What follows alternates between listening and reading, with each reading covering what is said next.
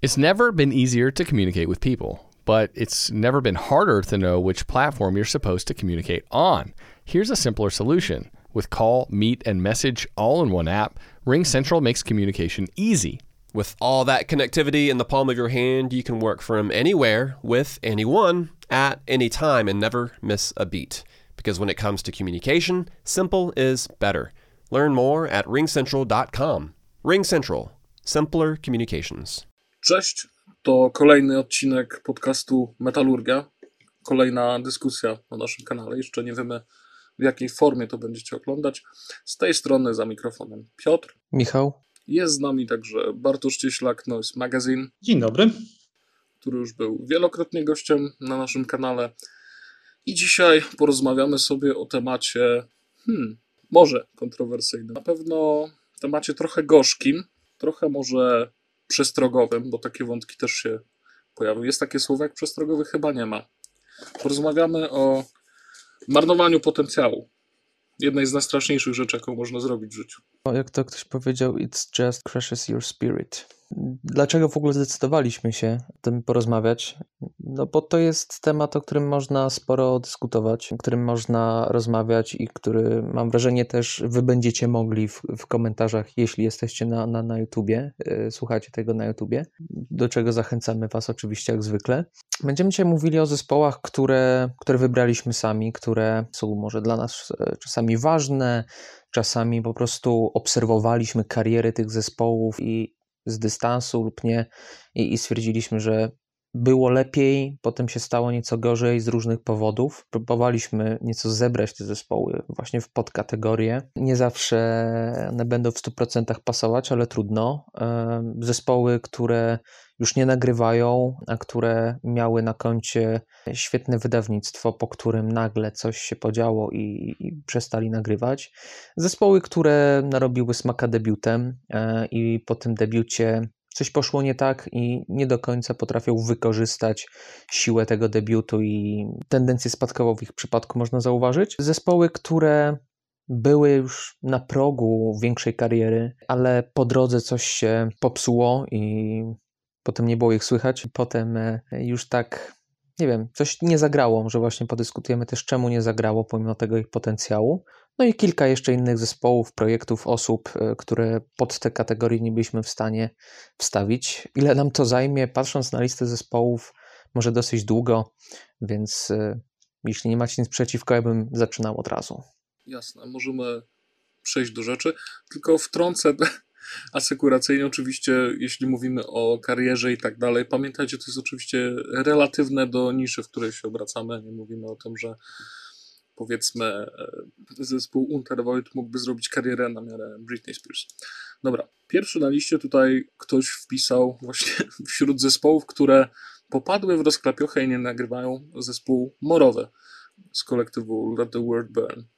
Który to? Ja zapytam, skąd się wziął akurat tutaj zespół Morowy, bo szczerze mówiąc, ja odbieram zespół Morowy jako po prostu zespół, który czeka na nas dobry moment, ale nie jest zespołem, który, znaczy okej, okay, druga płyta wyszła dość niedługo po, po debiucie i wydaje mi się, że po prostu czekamy na trzecią, ale mhm. tam nie ma chyba jakiegoś takiego wyraźnego rozkładu, jak w przypadku, nie wiem, Massemord powiedzmy, gdzie, gdzie, gdzie rzeczywiście ten, ten zespół, można już powiedzieć śmiało, że zdysocjował kompletnie.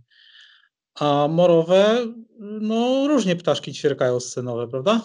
No tak, my przecież e, z Nihilem, Michał, robiliśmy wywiad chyba mhm. dwa lata temu, tak? Tak. Twierdził, że jest prawie już zrobione. No. Może, może, może te morowe znalazło się na tej liście właśnie dlatego, że tak bardzo lubimy te pierwsze dwie płyty.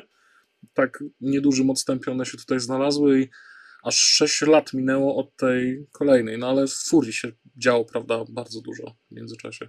No, Furii też się teraz nie dzieje, e, co, co jest trochę przykre. Znaczy, między Piekło Labirynty Diabeł a AS e, były 4 lata różnicy, więc wcale nie tak mało.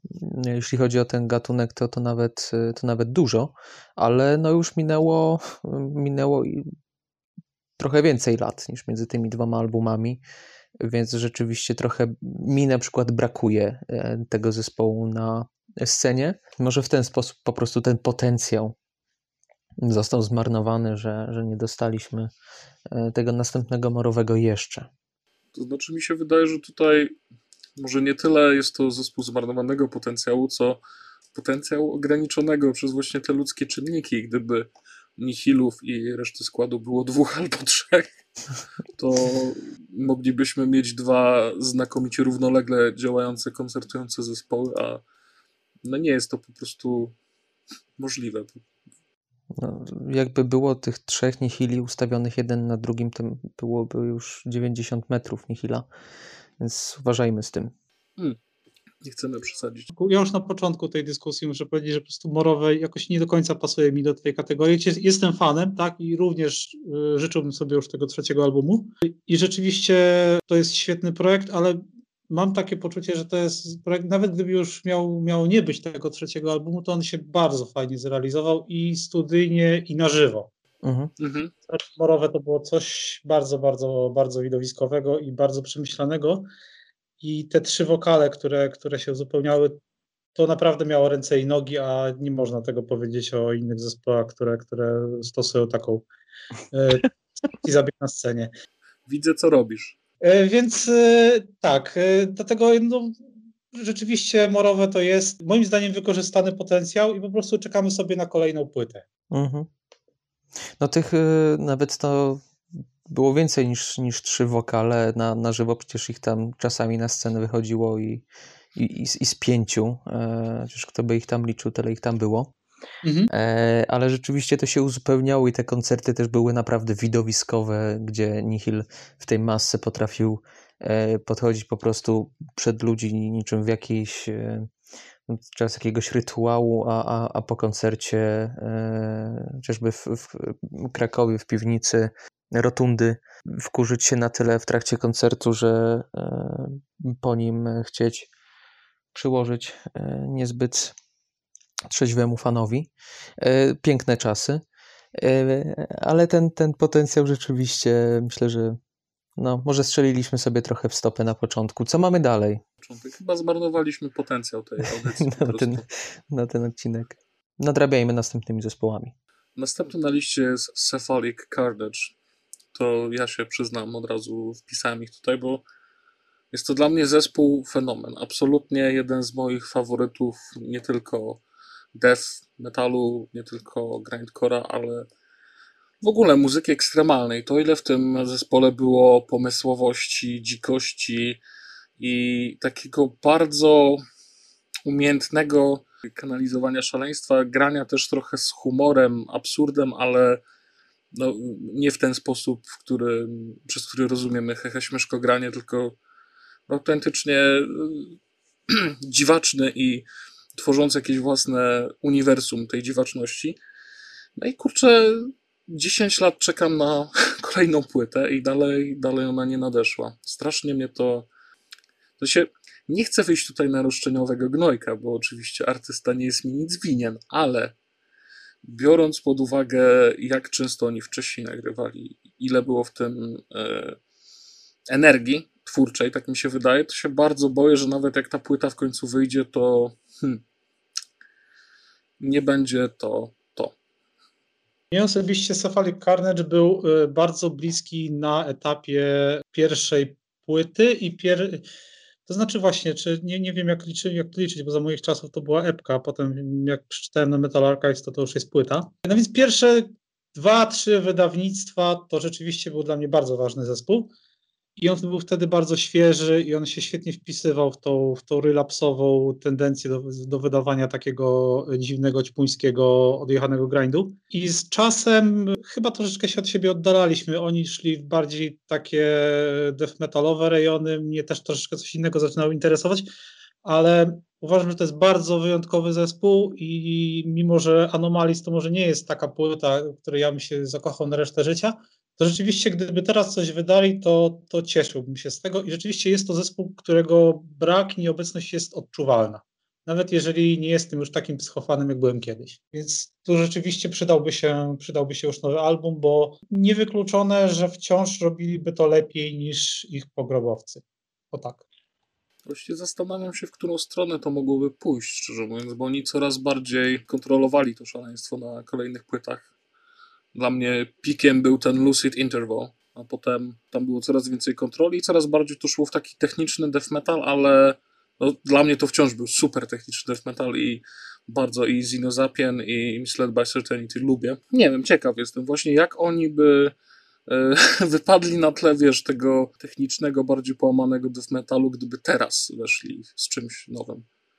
Przepraszam, bo ja w ogóle nie jestem na bieżąco. Czy my mówimy teraz o zespole, który musiałby powrócić i się reaktywować, czy my mówimy po prostu o zespole, który w jakiś tam sposób sobie funkcjonuje, ale przynajmniej w teorii istnieje i coś tam stanowi jakąś żywą jednostkę? W teorii istnieją, e, natomiast w praktyce wygląda to tak, że nie robią z tym prawie nic, natomiast basista Nick Skenzielos jest bardzo aktywny twórczo. Trochę się rozmienia na drobne, trochę robi jakieś dziwne rzeczy. Teraz wydaje mi się, jak był ten um, projekt, ten um, Nuclear Power Trio, gimmick band instrumentalny. Członkowie zespołu są przebrani za Putina, Trumpa i Kim Jong-una. Wow, super. To czego oczekujemy w metalu, prawda? No, to wydaje mi się, że on tam gra na basie właśnie. Jest y, wirtuozem po prostu tego instrumentu. Natomiast żaden z tych jego projektów jakoś specjalnie tam nie, nie, nie porywał. Znaczy on też się w, w międzyczasie w Hejwoku na przykład y, udzielał A tym tak. trash metalowym. no ale, czy, czy Job for a Cowboy, więc te jego pozostałe projekty, no to to są raczej takie zespoły, które były chwilową zajawką, bo już, y, no, nie wiem, nie słyszy się chyba specjalnie ani o Job for a Cowboy czy Hejwoku a mimo wszystko Cephalic Carnage gdzieś dalej pozostało, e, pozostał taki status tego zespołu. Być może, nie wiem, nie, nie znam nikogo, kto by słuchał Job for a Cowboy poza Kubą Molką, więc e, trudno mi powiedzieć. A czy, czy, czy po Hawoku ktoś płacze, no to też musiałbym chyba kogoś, kogoś innego zapytać. E, ale znam ludzi, którzy płaczą po Cephalic Carnage, więc no tutaj przydałby się nowy album rzeczywiście, chociażby dla weryfikacji kondycji. Tak, czy, czy już zupełnie zakopać, zapomnieć, otrzeć ostatnią łzę, czy jeszcze niech się to nadzietli. Dobra. Co tam dalej? Zimmers Hall. Kojarzycie, lubicie, znacie? Nie znam, nie mam nic do powiedzenia. Ja też raczej nie poza jakimiś tam utworami e, kilkoma i, i, tym, co też Piotrze mówiłeś e, o tym, to nie mam jakiegoś e, większego stosunku do, do tego zespołu, nie mogę o nim za wiele powiedzieć. Bartek, lubisz Strapping Young Lad, to może Ciebie to zainteresuje, bo Zimmers Hall to jest e, zespół utworzony właśnie przez byłych członków Strapping Young Lad minus Townsenda, bo Townsend e, poszybował w swoją stronę, oni w swoją, no i to jest dziwny projekt, bo z jednej strony spełnia wiele kryteriów tego metalu z humorkiem, piosenki takie jak Thousand Miles of Coke czy o podobnych tytułach, znajdują się na ich płytach. Z drugiej strony to słychać wciąż, że to są ludzie, którzy nagrywali najlepsze płyty Strapping Young Lad. Słychać, że potrafią grać, wiedzą jak po prostu porządnie przypierdolić i nawet jeśli pojawia się tam jakiś e, żołdacki humor w tych piosenkach, to trudno im odmówić chwytliwości i tak dalej, prawda?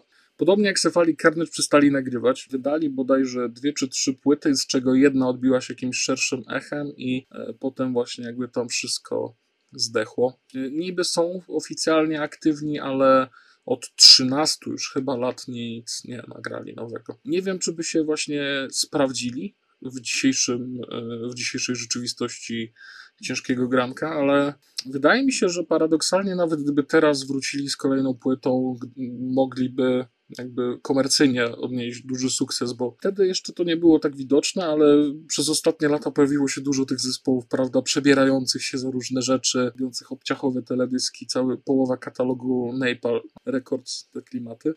Tylko tutaj byłaby do tego jeszcze dobra muzyka. Chciałbym zobaczyć jeszcze, jeszcze czy tam coś drzemie. Nie jestem w stanie się obiecać, że kiedykolwiek tego posłucham. Dlaczego? Czy przestraszyło cię te Thousand Miles of Cock? Czy czy wokalista przebrany za diabła? No proszę cię. All in good fun. W dawnych czasach Gene Hoglan grał w takim potwornym zespole, który się nazywał The Almighty Punch Drunk. I przy, mm -hmm. jak wspomniałeś o tym, że to jest skład yy, Strapping Young Lad, no to ja zakładam, że Gene Hoglan również tam grał. Tak, tak, tak, tak. Zbudowała mi się w głowie taka więź między jednym a drugim. Jeszcze jak wspomniałeś o tym humorku, więc y, wolałbym jednak y, trwać w takim timeline, w którym nie ma tego typu zespołów, albo one są bardzo daleko. Dobra. No, Lećmy dalej. To ci nie, nie wysyłam. Cofam wysłanie wiadomości z linkiem. Swallowed to jest bardzo ciekawy zespół. No właśnie, co tam się podziało? Nie wiem, co tam się podziało, ale to był rzeczywiście debiut, który na swoją niszę można chyba nazwać sensacyjnym, prawda? To było bardzo oryginalne. No to jest płyta, o której się mówi do tej pory często we wszystkich dyskusjach o ważnych płytach death metalowych tego, e, tego stulecia. Mhm, tak, zdecydowanie. Y, Nie wiem, co się zadziało dokładnie. Szczerze mówiąc, rozpad tego zespołu ja odnotowałem stosunkowo niedawno, po prostu grzebiąc po sieci i zauważając, że o, nie istnieją rzeczywiście, że to w jakiś sposób się już po prostu posypało. Dokładnie był to moment, kiedy budowaliśmy z kolegami ranking do nowego Noiza i przeglądałem sobie ten status tych, tych, tych zespołów dzisiaj. I przy okazji odnotowałem też, że Beyond rzeczywiście już nie ma i, i nie będzie prawdopodobnie. A ze Swallowed było tak, że to pamiętam był taki kurde, naprawdę to była taka, taka supernowa. No, oczywiście na, na miarę swojej niszy. To było granie, które było bardzo gatunkowe, bardzo takie doom-defowe, ale bardzo os osobne i własne. Tam był Mhm. jakiś fajny aspekt oryginalności i bardzo sugestywny klimat. I skończyło się na jednej płycie, świetnej. Czy mogłoby być tego więcej? To jest pytanie, które można zadać tutaj do wielu zespołów, ale no pewnie mogłoby i pewnie coś, coś ciekawego by się w tym zadziało, gdyby troszeczkę dalej posz- poszerzyli tę formułę, no ale nie ma. I, a, a- macie rację, że tutaj y, to jest zespół, do którego referuje się po dziś dzień. Na ich Facebooka wszedło mi w zeszłym roku jakieś tam posty i pojedyncze dosłownie wrzucali. Aha. Może, może coś tu ruszy, ale nie wiem, dla mnie to jest trochę taki ewenement, bo nie było żadnego follow-upu, prawda, do tej płyty nic. Mhm. To jest taki evergreen, na który trafiasz jak w pewnym momencie i nie ma nic więcej. No. Tak jak trochę e, jakiś czas temu z Michałem nagrywaliśmy podcast o zespołach, e, o tych z Rymu, o rankingach black metalowych na Rymie i też Weakling, nie? Ze Stanów ma chyba podobny, wydaje mi się, status. Że to był jednorazowy rozbłysk czegoś genialnego i Ja, mam- ja mam wrażenie, że Weakling, e, oni w ogóle nie, nie zdążyli, ich status narósł już po ich zgonie na Mhm. bazie zespołów, które czerpały z ich dorobku. Ja tak to widzę. tak. Znaczy Swallow chyba zdążyli się jeszcze poenjoyować takim, takim z dużym, dużym hypem dookoła nich, a Weakling kompletnie nie, dlatego że Weakling akurat wyprzedził swoją epokę. Weakling y, zagrał bardzo dużo rzeczy, które były grane potem i jeszcze nie było na to nazwy. To był black metal, który potem, z którego potem wiesz, no, no, czerpały tam i in the Throne Room i Altar of Mhm. Plagues, ale oni robili to nie wiem, czy, no okej, no, no, no lepiej, tak, no, na pewno pierwsi byli w, tym, w, tym, w, tym, w takim granku. E, I oni kompletnie nie zdążyli się tym nacieszyć. To raz, dwa, że ta płyta też y, nie, już nie funkcjonuje w takim oficjalnym obiegu, bo z tego co wiem, nie było żadnych reedycji i nie ma takiego wydania, które, które by krążyło w normalnym obiegu. Natomiast jeżeli wracając do Swallow, to przyszło mi do głowy, że gdyby ten zespół pożył jeszcze chwilę, to mógłby przebić się poza niszę i dotrzeć do takiej publiczności, do jakiej dzisiaj dotarł powiedzmy Blood Incantation. To jest oczywiście kompletnie Mhm. teoretyczne założenie, no bo równie dobrze wcale to, by- tak by się mogło nie wydarzyć, ale tak na mój nos oni mieli taki potencjał, żeby być takim death metalowym gatewayem dla innej publiczności trochę, o tak. gwiazdą nowego pokolenia death metalowego. Wiesz co, nawet nie gwiazdą nowego pokolenia, ale takim czymś, co by y, przebiło się do szerszej publiczności. To, co robi powiedzmy. Blood Incantation dzisiaj, czyli Mhm. Blood Incantation, które występuje wiesz, gdzieś tam na, na rankingach Quietusa czy, czy Pitchforka. A wydaje mi się, że Swallowed mógł mieć taki potencjał. Tak, bo to jest muzyka jednak inna trochę, prawda? Dla, z tego powodu mi ich szkoda, tak, że, że, Mhm. że to się nie wydarzyło. Bo ja lubię takie zjawiska i lubię, kiedy taka muzyka rzeczywiście tam gdzieś się przebija, gdzieś tam dociera. To, to, jest, yy, to jest strasznie ciekawe.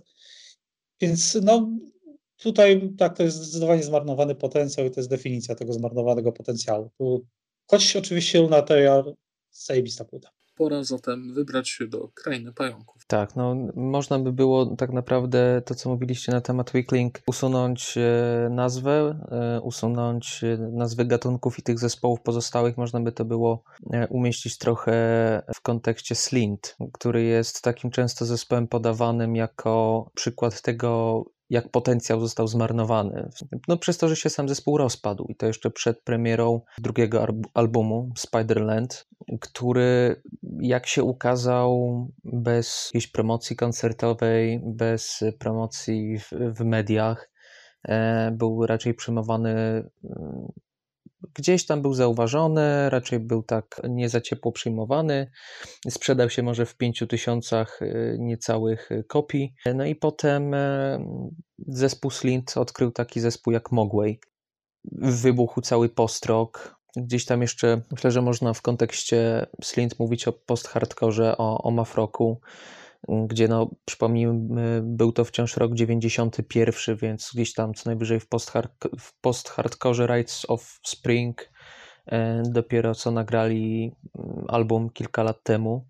I no tak naprawdę Slint przez to, że gdzieś tam został zauważony później, dał podwaliny pod, y, pod postrok, pod te, te zespoły właśnie typu Mogwai, Godspeed You Black Emperor, Explosions in the Sky, więc te zespoły, które są brane za, za te najważniejsze obecnie na tej postrokowej scenie, które tworzyły podczas tego wybuchu gatunku e, tą ścisłą czołówkę. No a sam Slint czekał jakieś 10 lat na, na zauważenie. Albini pisał e, o nich, czy to była recenzja, czy to jakiś artykuł, ale zauważył ich, chociaż to się nie odbiło echem. Potem właśnie Mogwai o nich wspominało, gdzieś tam też na, na którymś z albumów Mogwai ludzie ze Slint chyba brali udział w, w, sesji, czy tylko wokalista. No i ten potencjał został strasznie zaprzepaszczony, bo, bo ten album wyprzedzał jednak swoje czasy, Spiderland. Kto wie, jakby się to ułożyło później. Zespół gdzieś tam koncertuje, gra te utwory, ale no, niestety wyprzedzili swoje czasy i nie pociągnęli tego dalej, co, co, co no, straszna szkoda. Właśnie te reuniony chyba tak nie do końca też im wyszły w sensie pisania jakiegokolwiek materiału nowego, prawda? No. Bo czasami zdarza się tak, że jednak ten zespół, który tam wydał jakąś przełomową płytę, wyprzedzając wszystkich swoich e, rówieśników, potem się rozpadł, w międzyczasie został kultowy i potem powrócił. Tu mi przychodzi do głowy przykład szwedzkiego Refused na przykład, mhm. którzy wydali e, dwie płyty powrotne tak. i są teraz aktywni, podczas gdy Slint no jakby zupełnie tutaj czy oni już teraz nie grają?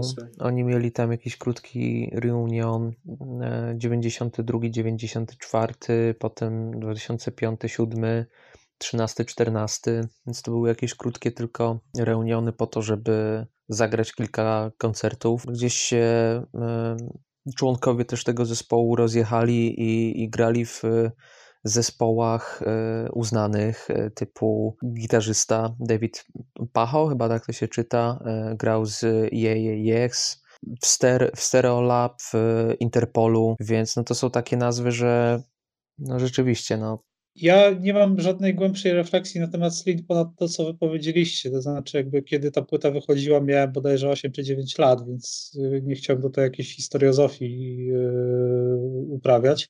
Czy to jest zespół, który. Znaczy, on na pewno z, z, własnej perspektywy mógł tego potencjału nie zrealizować, chociaż kto wie, czy gdyby istnieli i po Spiderland grali koncerty, to graliby je być może dla pustych sal, ponieważ no, świat nie był gotowy. Ale jest coś fascynującego w takich zespołach, które wyprzedziły swój czas, poszły w piach, a potem inni z nich czerpali. I to, to nie jest jedyny taki przykład. No, no w Polsce mamy Kobonga jest coś fajnego w tym, jak te, tak jak, jak te płyty potem obrastają takim kultem i zostają, jakby zyskują taką drugą młodość i się okazuje, że to, co jest grane dzisiaj, to wymyślił ktoś kiedyś, ale i czasami nawet zrobił to lepiej, nawet jeśli brzmiało to gorzej albo było bardziej surowe, ale przez to, że było bardziej surowe, jest bardziej ekscytujące. To jest fajne zjawisko i to jest fajnie, fajnie że takie rzeczy istnieją, bo to, to wzbogaca koloryt poznawania muzyki.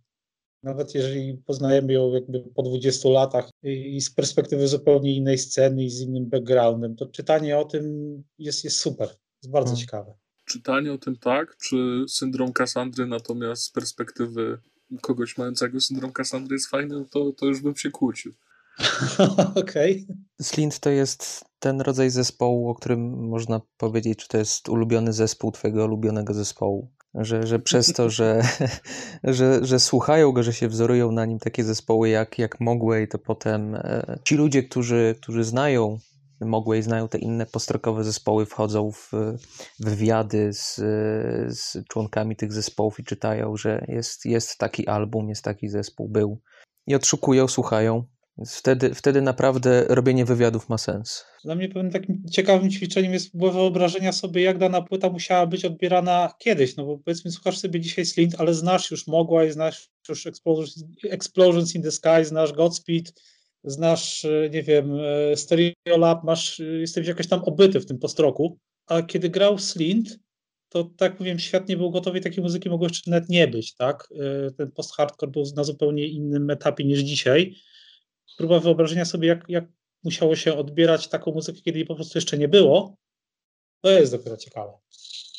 Dobra, lecimy dalej? Lecimy dalej. Ostatni już zespół w sekcji zespoły, które popadły w rozklep nie nagrywają Necrophagist. Z milionem wykrzykników. Tak, bo to jest zespół, który stał się w pewien sposób memem wręcz przez to, że wszyscy czekali na ten trzeci album i on nie nadchodził latami, aż w końcu teraz sprawdziłem i podobno oni się rozpadli. Nie było żadnych oficjalnych oświadczeń, tylko perkusista gdzieś tam przebąknął w wywiadzie, że Mohamed Swikmes e, po prostu wypisał się z grania grania i rzucił nawet granie na gitarze i chyba tego albumu jednak nie będzie. Ja pamiętam, że jeszcze jako dzieciak sprawdzałem regularnie, tak nie wiem, raz do roku, czy, czy jest już nowy Necrophagist, czy nie. I wciąż ni niestety e, powtarzało się e, zła wiadomość. Wciąż w ogóle ich kojarzycie, lubicie? Ja nigdy jakoś nie byłem specjalnie fanem, szczerze mówiąc. Znaczy, ja doceniam obiektywną jakość tego zespołu. W takim graniu to jest y, absolutna ścisła czołówka, ale nie jest to coś, po co ja bym sięgał jako słuchacz. Znam płytę Epitaph, nie do końca mogę powiedzieć, że znam tę pierwszą, nic mi, z niej w głowie nie zostało, ale Epitaph znam, bo trudno było nie znać tego, kiedy, kiedy to wychodziło. I mnie osobiście jako słuchaczowi nie brakuje tego zespołu ale rozumiem jego obiektywną jakość, wartość i rolę.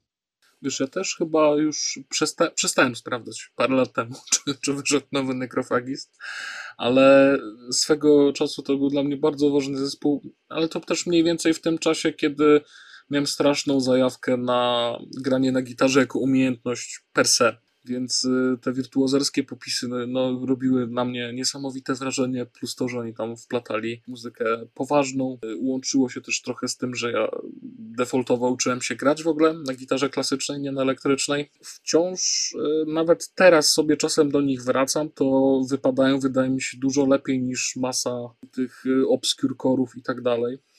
Hmm. Nie wiem, może w końcu to wyjdzie żeby, żeby zabić mem, chociaż, chociaż dlatego chciałbym, żeby ta płyta wyszła. Czy mi jej bardzo brakuje tak, żeby jej słuchać, to chyba nie. No ale nie mogłem ich tutaj nie wpisać właśnie ze względu na, na sentyment, który mam do Epitaph i do, Onset of Putrefaction. No, myślę, że gdybyśmy poszli do jakiegoś fana takiego technicznego death metalu i zapytali o to, czego mu dzisiaj brakuje i co by chciał, no to pewnie by ten, ten nekrofagizm wymienił. To, to się wydaje taką dosyć oczywistą sprawą. Pamiętam, że ludzie tego słuchali, pamiętam, że znałem tę płytę. No mówię, obiektywnie jest to bardzo wartościowa rzecz, ale nie powiem, żeby jakoś strasznie mi tego brakowało nie jest to może mój ukochany rodzaj death metalu. Choć dzisiaj mógłby się wyróżniać, to może, może kontekst by im dużo zrobił dzisiaj. No dobra, to przechodzimy dalej, rozumiem, do następnej sekcji. Zespoły, które narobiły smaka debiutem, nie potrafią tego odtworzyć. Jest już nieco więcej zespołów i nie zawsze, tak jak patrzę po nich, będziemy mówić o debiutach, ale, ale trudno. Ja myślę, że się w paru miejscach nawet pokłócimy o te zespoły. Tak, to, to, to na pewno e, w końcu będzie element e, prawdziwej dyskusji. Dobra, zespół, który pierwszy jest na tej liście, który ja wstawiłem, bliskimi e, od, od czasu debiutu, Quellertag, który no, dla mnie to jest już taka trochę tendencja spadkowa z każdym następnym albumem. Może ten ostatni nie jest aż tak przeciętny, jak, jak ich przedostatni album, jak Natesfert, ale wciąż ich debiut nie było mnie co prawda e, przy, przy debiucie, dopiero gdzieś tam między pierwszym a drugim e, albumem zacząłem ich nie, słuchać. I, i dla mnie to było coś, coś, coś, coś fajnego, coś świeżego, gdzieś tam łączyło elementy kilku gatunków, które, e, których wtedy słuchałem, black metalu, hardcora, rock'n'rolla. I zrobiło to w taki sposób, że no, miałem opatrzczeny i ilość energii, a jednocześnie to, jak zostało to zmiksowane, połączone nie tylko ze względu na, na produkcję Kurta Balu, to było coś, czego szukałem, to było precyzyjnie odmierzone. I potem z każdym następnym albumem, jak szli w stronę sukcesywnie coraz bardziej w stronę rock'n'rolla, coraz mniej tego black and rolla, w tym było coraz mniej black metalu, a coraz więcej takiego solidnego w kontekście debiutu tylko solidnego rock'n'rolla to już było trochę przykre, no bo słychać tam było, że rzeczywiście ten potencjał, który był zawarty na debiucie, gdzieś się, gdzieś się rozpłynął, a, a poszli w takie bardziej bezpieczne rzeczy. A ja się zastanawiam, czy to ich po prostu, czy my wszyscy w zasadzie po prostu za dużo ich nie słuchaliśmy. I czy to nie jest kwestia tego, że niektóre rzeczy są mega, mega fajne, ale nie powtórzysz nigdy tego pierwszego wrażenia. Mhm.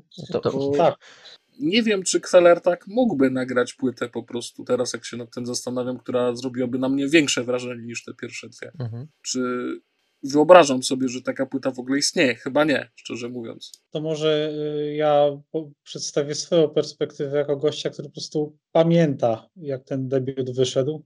To nie jest jakieś tak dla mnie strasznie dawno, no bo ile 10 to lat temu. nie? I to był straszny cios, i to był straszny rozbłysk. I to rzeczywiście ja to odebrałem jako coś, czego jeszcze nie było.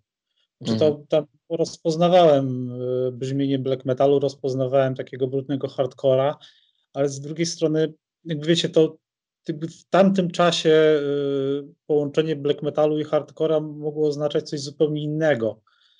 Y, dosłownie połączenie na przykład, nie wiem, jakiegoś takiego skocznego hardcora z jakimiś dziwnymi blastami black metalowym wokalem, a tutaj to było, to, to nie brzmiało tak, to brzmiało zupełnie osobno. Y, tam, była, tam był punk, tam była taka dzika energia, tam był jakiś fajny nihilizm, ale to nie było śmieszkowe, to nie było z przymrużeniem oka, to nie było takie zabawowe, to było coś, co rzeczywiście podrywało do tańca, ale to nie, nie był taki taniec radosno-studencko-juwenaliowy.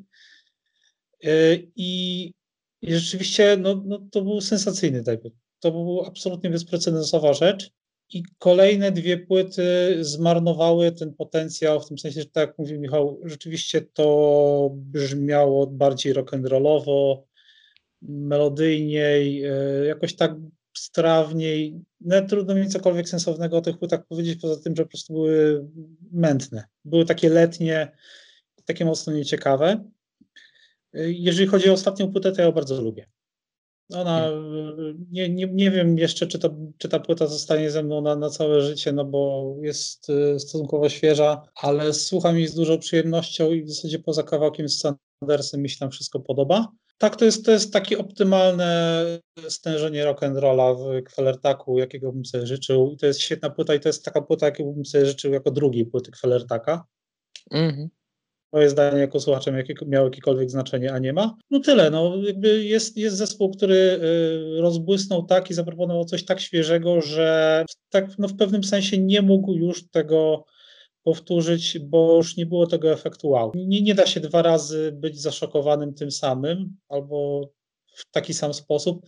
W fajny sposób uciekał od tego wszystkiego Ghost, tak? który, który rzeczywiście poszerzał tę formułę, włączał tam nowe elementy i tą piosenkowość i ten cheesy rock jakoś, e, jakoś rozwijał w obrębie bycia sobą. Kweller tak się rozwadniał, tak ja go odbieram. Mhm. Dopiero ta nowa płyta jakoś osadziła ten rock and roll w takich proporcjach, e, w jakich one powinny być. E, tak ja to odbieram oczywiście. Nie wiem, być może są ludzie, którzy są strasznie zachwyceni tą drugą i trzecią płytą Kwertaka. Okej, okay, w porządku. Ja, ja się ten nich w ogóle nie zatrzymałem, a, a próbowałem, szczerze mówiąc. Mhm. A do, do ostatniej nie musiałem się nawet przekonywać. No ja mam na, na mail kilka takich utworów, które, które lubię. E, jak, Również. jak chociażby Undertow, nawet Queller tak. Branne Ben. Branne Ben. Bren. Wciąż, wciąż tam są, są dobre utwory, mm, ale rzeczywiście tu się zgodzę, nie ma. No i gdzieś już to zostało rozwodnione. No ja do Split nie mogę się przekonać cały czas, a próbowałem bardzo.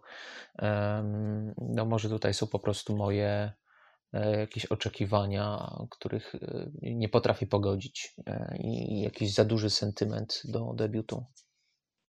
Ach, no i jeszcze chciałem wspomnieć, że widziałem tak po debiucie na koncercie na żywo, w warunkach festiwalowych i to było coś pięknego. To, było, to jest muzyka do tłuczenia sobie butelek na głowie. I naprawdę to, było, to był fantastyczny koncert. Nie wiem, jak było dalej. Wiem, że stali byli coraz więksi, więc y, no nie wiem, jak było dalej, ale chętnie bym obejrzał ich z nowym wokalistą i popatrzył, jak to wszystko ma się dzisiaj. Ten streamowany koncert podobno był dobry. Mhm. No dobra, to nie można czasem przebić tego genialnego debiuta, czy można dwa razy wyjść do postpunkowej rzeki? Beastmilk. Beastmilk i Grave Pleasures. O, ja tutaj mam dużo do powiedzenia chyba. podejrzewam, że i ty i Michał macie. No, no. Ja, jestem, ja jestem mega fanem Beastmilk. E, ja Beastmilk namierzyłem e, we wkładce Puty Darktron, gdzie, gdzie polecał ich epkę Fenris. Wziąłem się za to i strasznie mi się to spodobało. Było świetne. Tym bardziej, że wtedy jeszcze nie było miliona takich zespołów sięgających po te e, nowofalowe brzmienia, ale to były cztery bardzo esencjonalne kawałki. Każdy był inny, miał świetne teksty, miał bardzo sugestywny klimat. Bardzo mi się to spodobało. Potem przyszła płyta, którą na początku odrzuciłem, że nie była tak dobra jak epka, ale za chwilę wróciła mi przytomność zmysłu, że to jest zajebisty album. I ten zajebisty album jest ze mną do dziś. To znaczy, ja go regularnie słucham do dzisiaj. Climax jest y, takich piosenkowych płyt, które nie mają za bardzo innych ambicji, poza po prostu grają świetnych piosenek. No, to rzeczywiście jest jedna z moich ulubionych płyt ostatniego dziesięciolecia i jest ze mną do dzisiaj. No i potem ten Beast Milk się rozpadł w taki sposób, że jeżeli dobrze pamiętam, lider się łączył, tak? Goatspeed yy, odszedł, tak. tak. I powstał Grave Pleasures. I z Grave Pleasures ja mam dokładnie ten sam problem ze wszystkimi ich płytami. To znaczy, yy, Grave Pleasures brzmi mi jak yy, tribute band Beast Milka. Mhm. Mhm. To jest tak dojmujące i uciążliwe i upierdliwe uczucie, że absolutnie nie umiem, nie umiem się od niego odciąć od wielu lat, mimo że te płyty są lepsze, gorsze, ale ja właściwie nic kompletnie do nich nie czuję. One mnie irytują wręcz czasami, tak? To jest, to jest takie osadzenie w tej formule, która została wymyślona na Climax, że, że momentami mam ochotę się śmiać, jak słucham tych płyt, tak? Kiedy słyszę ten 58 tekst o, o bombie atomowej, o Hiroshimie i o smutnej miłości i to klaskanie w tle i ja mam wrażenie, że naprawdę słucham jakiegoś takiego tribute bandu, nie? No. Strasznie lubię ten kawałek. Który piotrek? Właśnie Be My Hiroshima. A, to, to, to, to, jest taki to jest ten sam kawałek, co wszystkie inne, tak? Nawet nie taki no sam. Tak, tak, tak, to prawda. No ale Climax był takim, mimo tego, że, że Kurt Balu był tam zaangażowany w, w produkcję, no to to był wciąż album wydany w, w Swarcie który podejrzewam nie miał jakichś zamiarów nagrywania z dużym budżetem, no, a po prostu tutaj nacisk był bardziej na piosenki, no bo trochę mam takie wrażenie, jakby ten Dream Crash, Mother Blood to były filmy Spielberga, który próbuje za duże pieniądze odtworzyć atmosferę niskobudżetowego, arthouse'owego, niezależnego kina. E, w no sumie. Bo tutaj, się, tutaj się powinno wszystko zgadzać, tak? Była Lina Olson z The Oath, był um, Uno z e, nieodżałowanego In Solitude, Yun His z Ransi Pazuzu. Skład, za którego wielu dałoby się pociąć, no ale wciąż brzmi to po prostu jak cover band i jakby ci ludzie zostali ściągnięci, żeby, nie wiem, grać jakieś e, tri tributy dla zespołu, który rozpadł się dawno temu i oni sobie wracają właśnie z tym wokalistą, który wtedy, wtedy grał z tym oryginalnym zespołem i hej, zagramy dla was y, utwory, powspominajcie sobie. Żeby być uczciwym, no to ten debiut Grave Pleasures miał jakieś znamiona oryginalności, tam był jakiś rockabilly momentami gdzieś przebrzmiewał, ale ja nie umiem tych płyt słuchać kompletnie, one, one mnie drażnią. Mhm. Może to nie jest jakaś specjalnie popularna opinia. Wiem, że ten zespół ma fanów i sam jestem fanem McNerney'a jako, jako artysty, ale ten, to, to jest takie już zakutanie w tą formułę i tak przylgnięcie do niej, to już przekracza takie granice autoparodii. Znowu to klaskanie i znowu tak pierdolona Hiroshima. Ile można? Mało tego, jeszcze paskudny McNerney przyszedł i zepsuł parę kawałków na nowym Rope Sect. To brzmi, to z kolei brzmi jak tribute band Grave Pleasures, więc... e, Nie rozmawiajmy o Obsect. Znaczy, no dobra, no nie mamy w sumie czasu, hehe, więc lećmy dalej. Goat. O, to jest kolejny zespół, przy którego debiucie ja byłem i to jest kolejny zespół, który, który, za, który, za którego wyhypowanie w pewnym stopniu odpowiada Fenris. I to też było bardzo świeże. Również dlatego, że e, duża część odbiorców, w tym ja, niespecjalnie wiedziała cokolwiek o takiej muzyce jak Afrobeat. I sprzedanie tego nam było, było świetnym pomysłem.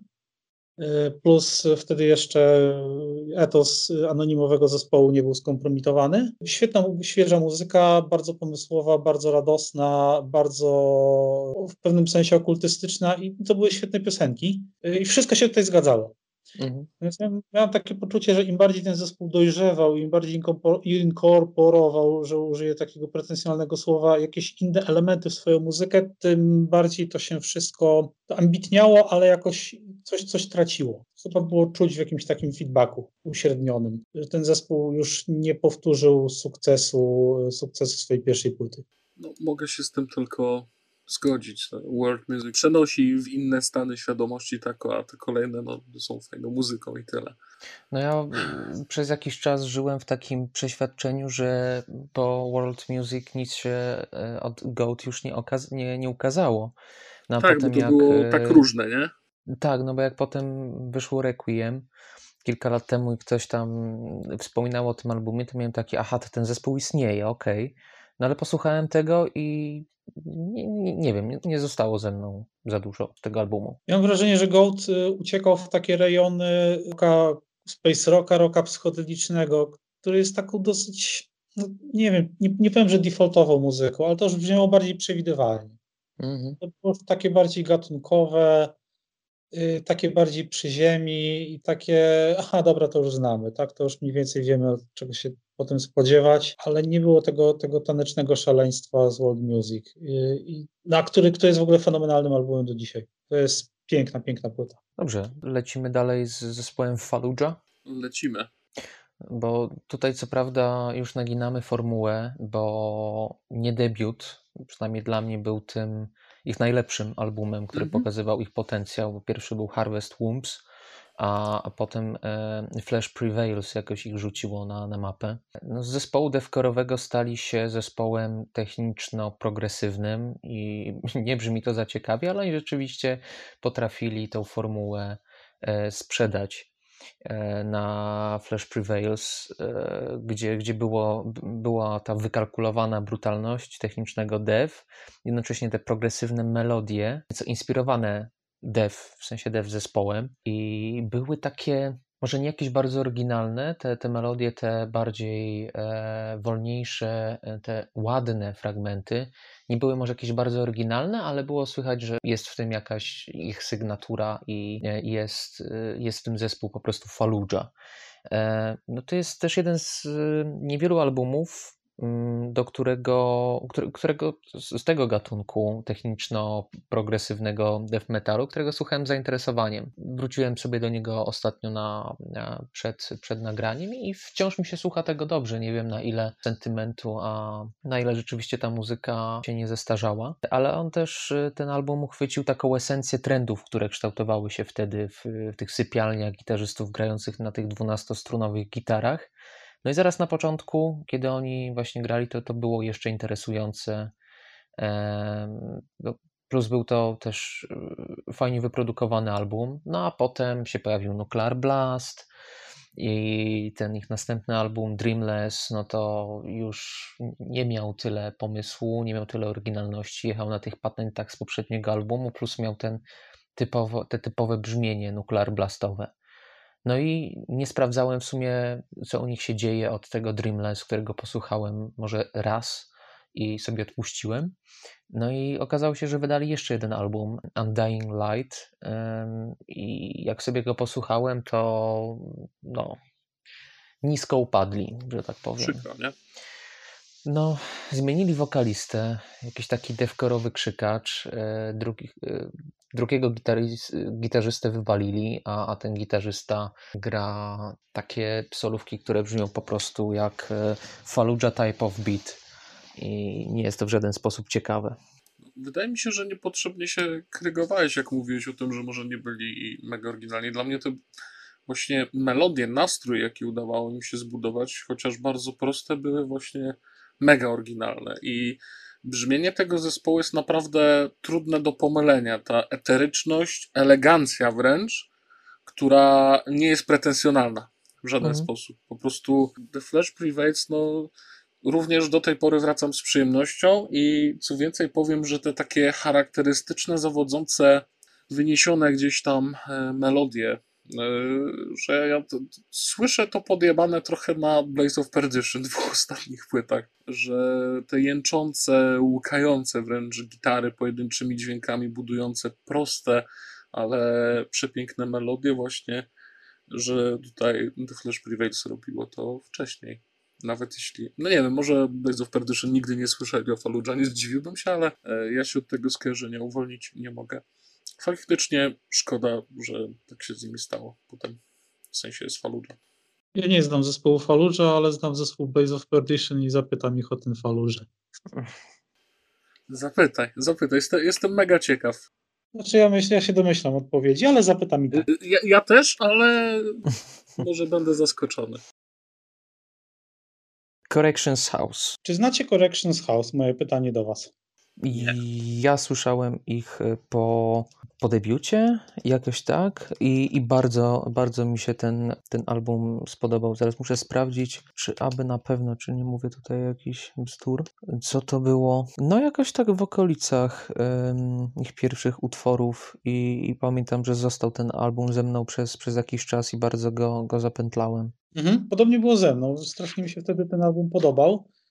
E, to był, to był projekt y, gwiazdorski, ale to brzmienie nie było sumą tych zespołów, znaczy to było takie, nie wiem, coś w rodzaju połączenia postmetalu z rockiem, metalem industrialnym. Była w tym jakaś fajna buntownicza siła. Coś się stało po tym, po tym debiucie, który był takim niespójnym trochę albumem, ale mimo wszystko miał dobre kompozycje, fajny rebeliancki sznyt. Coś się na tym Know How to Carry a Wave zepsuło, który był płytą taką bardziej, bardziej spójną spójniejszą i coś, i chyba ten zespół poszedł w piach. Ja mam wrażenie, że tam mogło być y, coś lepszego, coś więcej, że to mogło urosnąć w zespół z prawdziwego zdarzenia, a to się nie wydarzyło. I została hmm. jedna naprawdę bardzo udana płyta i druga, która mi się w swoim czasie podobała, ale, ale chyba bardzo szybko o niej zapomniałem. I po tym zespole mam wrażenie, już nikt nie tęskni, a, a, pierwsza płyta była w swoim czasie dosyć głośna, takie mam wrażenie. Tak, no właśnie dziwne, że nic się już o nim nie mówi, a Last City Zero było, było naprawdę takim albumem, który,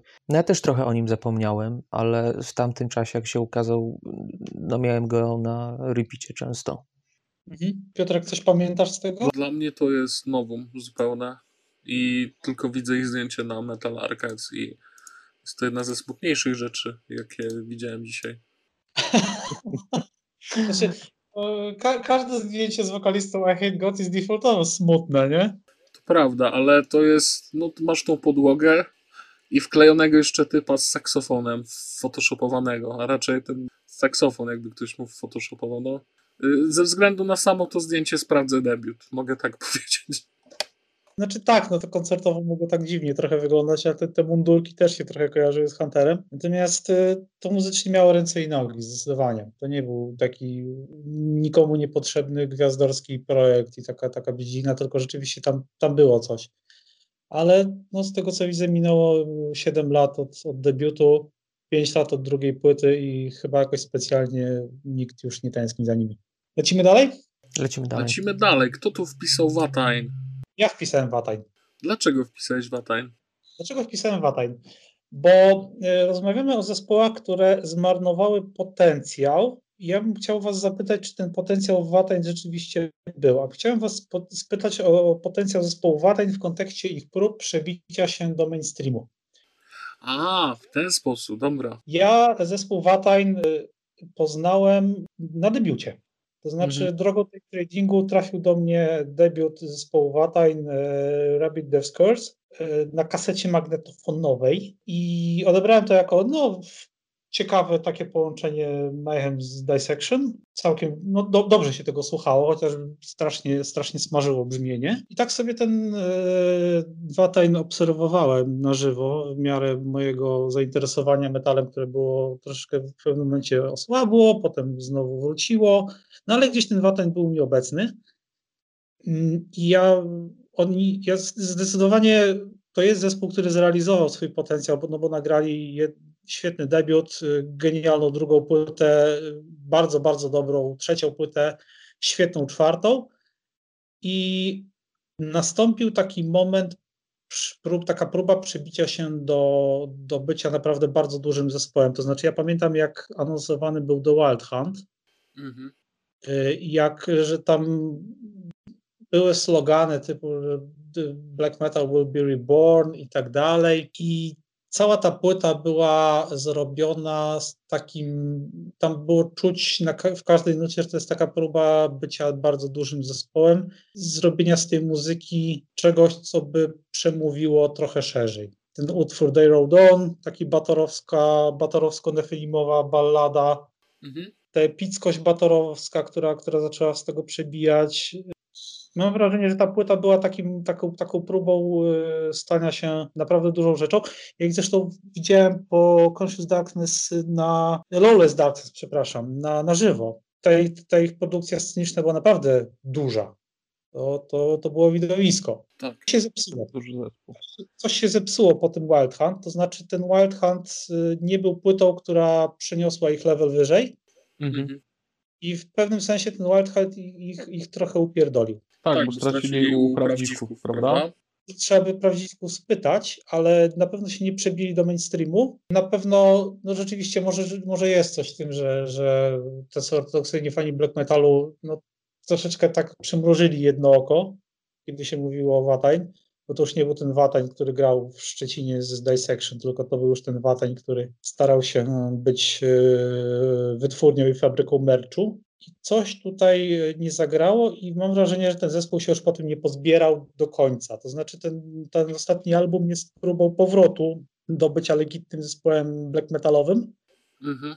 E, w moim odczuciu średnio udaną. Nie jest zła płyta, ale też na pewno ciężko porównać ją z którąkolwiek z pierwszych czterech. Przerwa między, między Wild Hunt a ostatnią też była dosyć spora i mam takie poczucie, że to jest, to jest kapela, która mogła być, zmarnowała swój potencjał w tym sensie, że oni mogli być takim naprawdę legitnym black metalowym zespołem, zespołem po, po Lawless Darkness. A zrobili coś, co im trochę co przestrzeliło im przynajmniej lewe kolano, tak. Może nie, nie, nie posadziło ich kompletnie, nie położyło ich do łóżka, ale, ale kurczę, coś tam, coś tam się niedobrego stało. No ja pamiętam The Wild Hunt głównie z, z tego, jak on był głośno komentowany w takich mainstreamowych, metalowych mediach. Jak dużo się o nim mówiło, e, czy to jest dobry album, czy to jest najlepszy album. Komentowało się chociażby właśnie ten utwór e, Day Ride On. Dużo się o nim mówiło, wręcz aż e, miałem miejscami wrażenie, że, że za dużo. Miał dużo właśnie coverage. Ale to nie spowodowało długofalowego skutku w postaci przebicia się Watain klasę mm -hmm. Tak. Tak, bo jakby już u Trident Wolf Eclipse to tak, e, no dobra, wyszło. No w ostatecznym I... rozmowie mam wrażenie, że ten Watain po prostu nie tyle utknął, co, co, co wręcz w jakimś sensie spadł. Nie wiem, dla mnie to jest zespół, który chciał mieć ciastko i chciał zjeść ciastko trochę. trochę tak. Z jednej strony tam był potencjał na bycie drugim behemotem, powiedziałbym. Mm. Wniesienie takiej naprawdę ekstremalności, prawdziwej ekstremalności do mainstreamu i na największe sceny. Z drugiej trochę za dużo krawędziowości, mi się wydaje. Tą krawędziowością sobie przegrywali w jednym środowisku, a w tym podziemiu sobie przegrywali tym, że czuli się takimi chyba trochę gwiazdami, prawda? Za bardzo.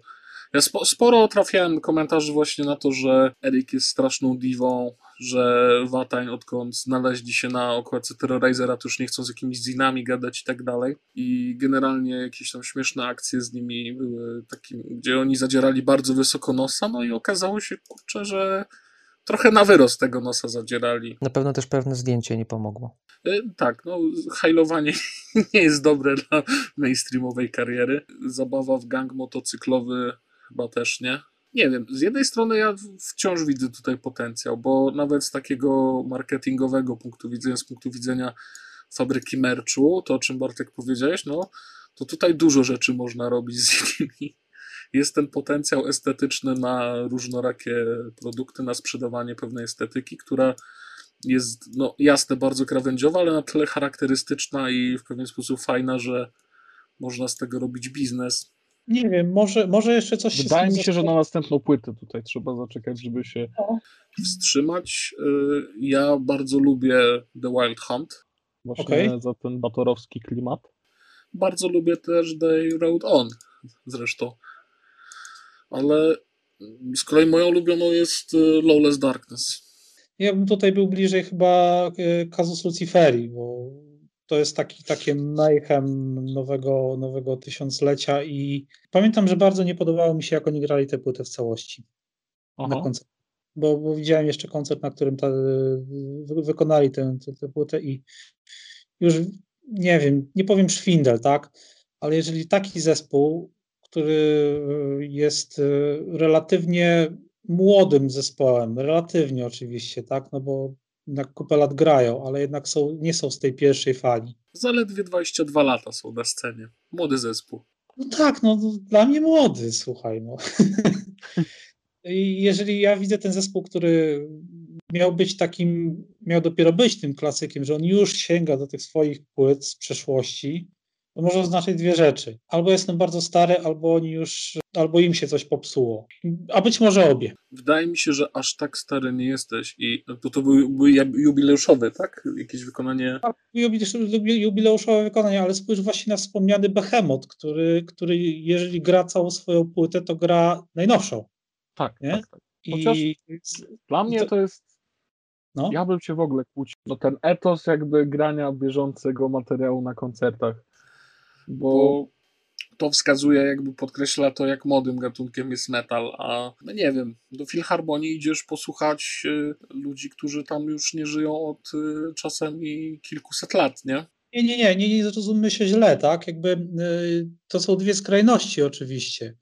Natomiast y, chodzi mi o to, że kiedy Behemoth gra najnowszą płytę na żywo, to napięcie na tych koncertach nie opada. A. Poczucia, że coś siada, ponieważ ludzie czekają na hiciorki o, o lasach Pomorza. masz rację, dobra. W tym, w tym sensie to no faktycznie jest Widziałem, widziałem symptomatyczne. tego całą, całą przedostatnią płytę na żywo i, i, i to było fantastyczne. I nie, nie, czu, nie czuło się czegoś takiego, że ktoś. Znaczy na pewno byli ludzie, którzy tam kurwa, by woleli, żeby tam coś, coś, coś było ze Swentewita, spoko, ale to, to nie był zespół, który czuł się zobligowany do tego, żeby udawać siebie sprzed 20 lat. Mhm. Y, I ten relatywnie młody Watain, y, który jeszcze, miałem takie wrażenie, że ma, może mieć jeszcze dużo przed sobą, już, już musi sięgać po te, po, te, po te swoje klasyki własne, Mhm. no to, to już to coś mówi, tak? To, to jest zespół, który naprawdę powinien grać przekrojówkę z trzech ostatnich płyt z ostatnich pięciu lat, nie? A tutaj nagle już, naprawdę, to, to już jest taki zespół, który musi ogrywać swojego klasyka. Okej, teraz zrozumiałem, o co ci chodzi. Lecimy dalej? Lecimy dalej zdecydowanie. To ciekawy typ, słuchajcie, to co tutaj pisaliście. Piotrze, to ty wpisałeś Dolcz? Nie zgadzacie się? Z Dolch? Nawias, Dolch nawias? Dol? I ja mam wrażenie, że to jest zespół, który nawet jeszcze nie zdążył rozbłysnąć, bo to jest fantastyczny zespół, Tak. Tak. ale to co najlepsze, to, znaczy, to nie jest na pewno ten moment, w którym możemy mówić o jakimś zmarnowanym potencjale. No dobra, ale jak na to, że istnieją już no trochę, to ten no, w sumie nie wiadomo. Co najmniej 6 lat, bo 6 lat temu wyszło pierwsze demo. No dobra, może nie zmarnowany potencjał, ale oni dopiero w zeszłym roku wydali pierwszy album, a wcześniej wydawali bardzo dużo jakichś epek, demówek, prawda, tego typu rzeczy pomniejszych wydawnictw. Mhm. I wydaje mi się, że każda z nich ten debiut kasuje. Mm, Okej, nie mam takiego poczucia, ale y, lubię debiut Dolch, ale mam poczucie, że to już bardzo, bardzo wnikliwie będę i z, trwożliwie obserwował ich poczynania po prostu. Wiesz co, no jakby żyjemy w takim, takim dziwnym timeline'ie, w którym e, rzeczywistość została zamrożona, jak przez Lutę w, w książce Dukaja i ciężko powiedzieć, czy ten album Dolch rzeczywiście e, miał szansę rozbłysnąć, miałby szansę rozbłysnąć, gdyby wszystko toczyło się normalnym torem, to znaczy byłyby koncerty, mhm. E, co by się tam dookoła tego zespołu zadziało, E, trafili w trochę taki no, niezbyt dobry moment. Mm, czy on kasuje, czy nie kasuje domówki? Moim zdaniem ten zespół jest jeszcze bardzo niszowy i jak na swoje możliwości i jeszcze dużo przed nim. Myślę, że czy ten, ten, ocenić ten potencjał, mhm. to będziemy mogli za jakiś czas. Dobra, muszę ci uczciwie przyznać, że myślałem, że oni dłużej grają.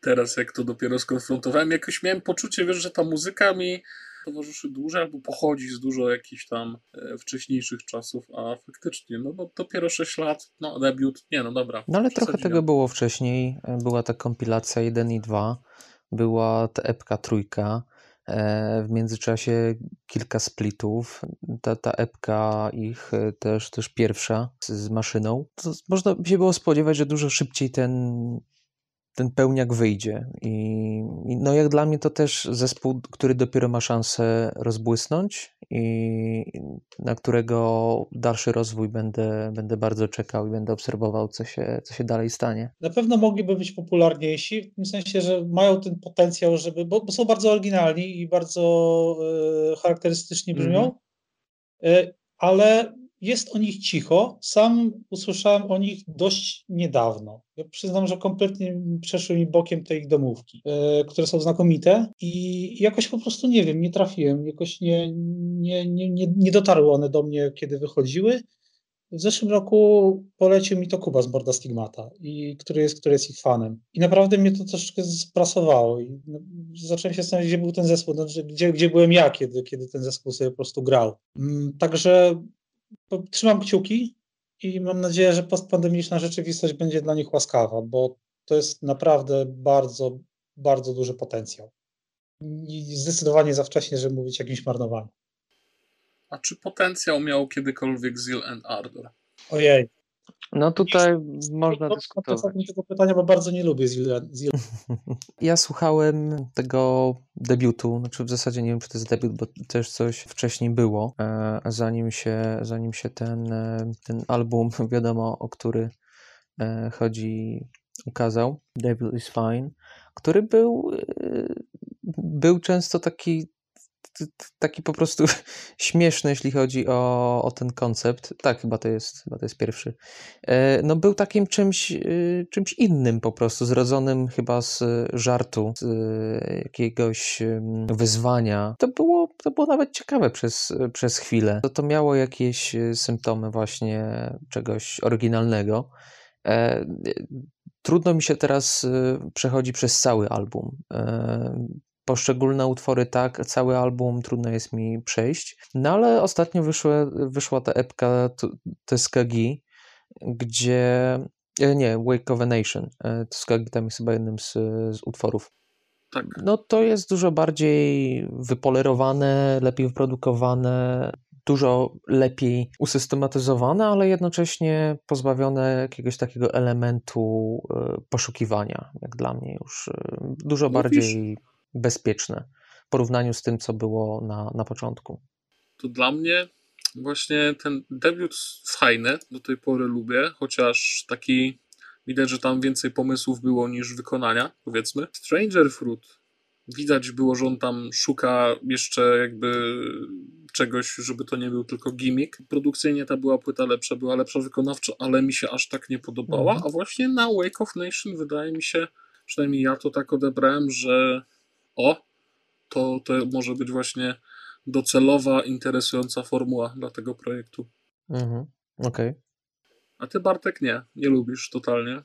Znaczy, we mnie są dwa wilki. Jeden mówi, że y, fajnie, że ludzie eksperymentują z muzyką i nie trzymają się jakichś tam y, z szufladek z muchu i paproci, bo bo wcale nie muszą, tak, i nie ma takiego obowiązku, ale sama koncepcja tego, że ktoś e, tworzy muzykę w reakcji na rzucone wyzwanie i że to jest żart Forczana, a nie jakaś jego indywidualna potrzeba. Znaczy jest w tym jakiś atrakcyjny element przypadkowości, że nagle się z tego zrobił taki proper band, ale z drugiej strony yy, sama propozycja artystyczna zespołu Leonardo i efekt tego, no, no nie, no, no to znaczy możemy oczywiście wziąć pizzę, jakby polać ją miodem, położyć na taką kiszoną kapustę, zalać sylopem klonowym i zobaczyć, jak to będzie smakować, nie?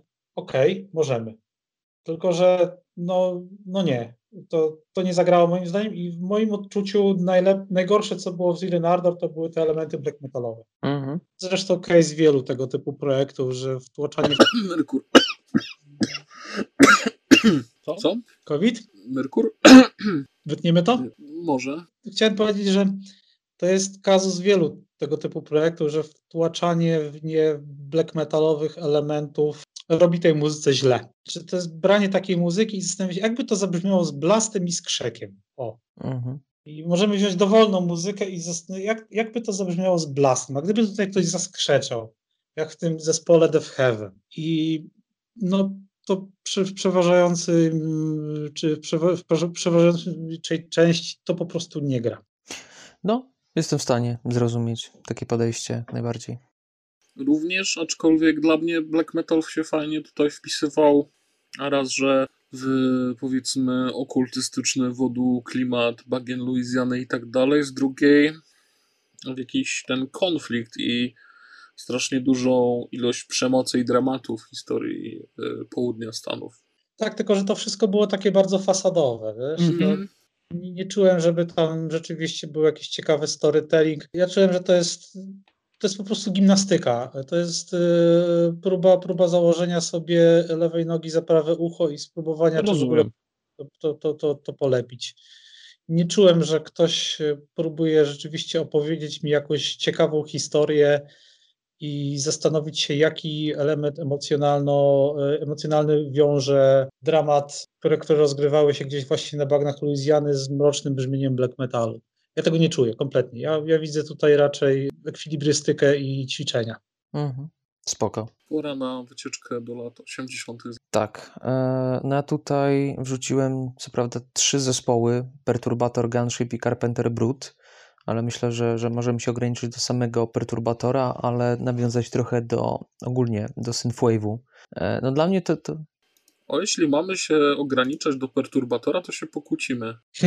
To, to zaraz się pokłócimy. To, to, to tylko tak nadmienię, że, że jak dla mnie te, ten, ten ruch cały związany z synthwave'em był, był z góry skazany na niepowodzenie.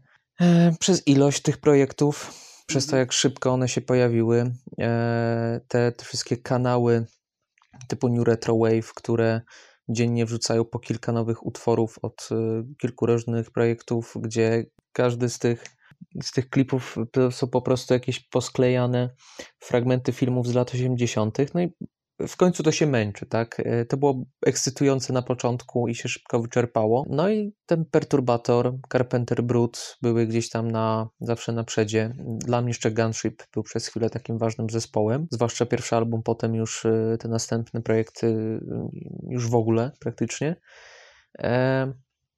No i perturbator stał jakoś właśnie na, na tym przedzie i, i pchał ten gatunek e, ku popularności, grywał na, na metalowych festiwalach, e, wyprzedawał koncerty tutaj w Polsce. E, no i ta, ta epka e, New Model, tam był podajże ten utwór Vanta Black, 2017 rok. Słychać tam było, że są ambicje, żeby robić coś bardziej autorskiego, coś bardziej odrębnego niż ten synthwave. No a potem gdzieś to się już rozpłynęło, te dwa wydania B-sides e, i remixów. No i ten singiel ostatni Excess, który miał zapowiadać nowy album w lutym 2019. I od tamtej pory nic się nie ukazało, a sam utwór był taki jak no, dla mnie był trochę taki przeciętny e, w porównaniu z tym, co, co on wydawał wcześniej. Okej, okay, to zmartwiłeś mnie, bo byłem pewien, że ten New Model to wyszedł jakoś, no nie wiem, niedawno. Nie, chwilą, a, niestety. A to już trzy lata faktycznie. E, no właśnie, to, to miała być moja linia obrony Perturbatora, że przecież ta epka była super świeża i odszedł od tej stylistyki, ale no faktycznie trzy lata minęły i powiedział A, nie powiedział B. Akurat w nim jeszcze widzę potencjał, tak jak na przykład w Ghost, który już zupełnie chyba porzucił e, Synthwave, bo faktycznie sam Synthwave, no tak jak mówisz, przesyt nastąpił równie szybko co ekscytacja, kiedy się okazało, że każdy może zripować e, stare filmy i posklejać w losowy sposób i ściągnąć emulator starej Yamahy, no to przestało się to robić ekscytujące. Perturbator natomiast, no ja go jeszcze tutaj nie chcę skreślać. Dla mnie ta epka była ekscytująca również muzycznie. Czekam, czekam na nowe rzeczy. Tego nowego singla nie słyszałem, w sensie nowego starego, sprzed roku ponad, tak? Mhm. Jeżeli mogę zapytać jako outsider z tego wszystkiego, jak bardzo na ocenę danego artysty sieje kondycja gatunku, który, który on wykonuje? To znaczy, mamy tego per, perturbatora.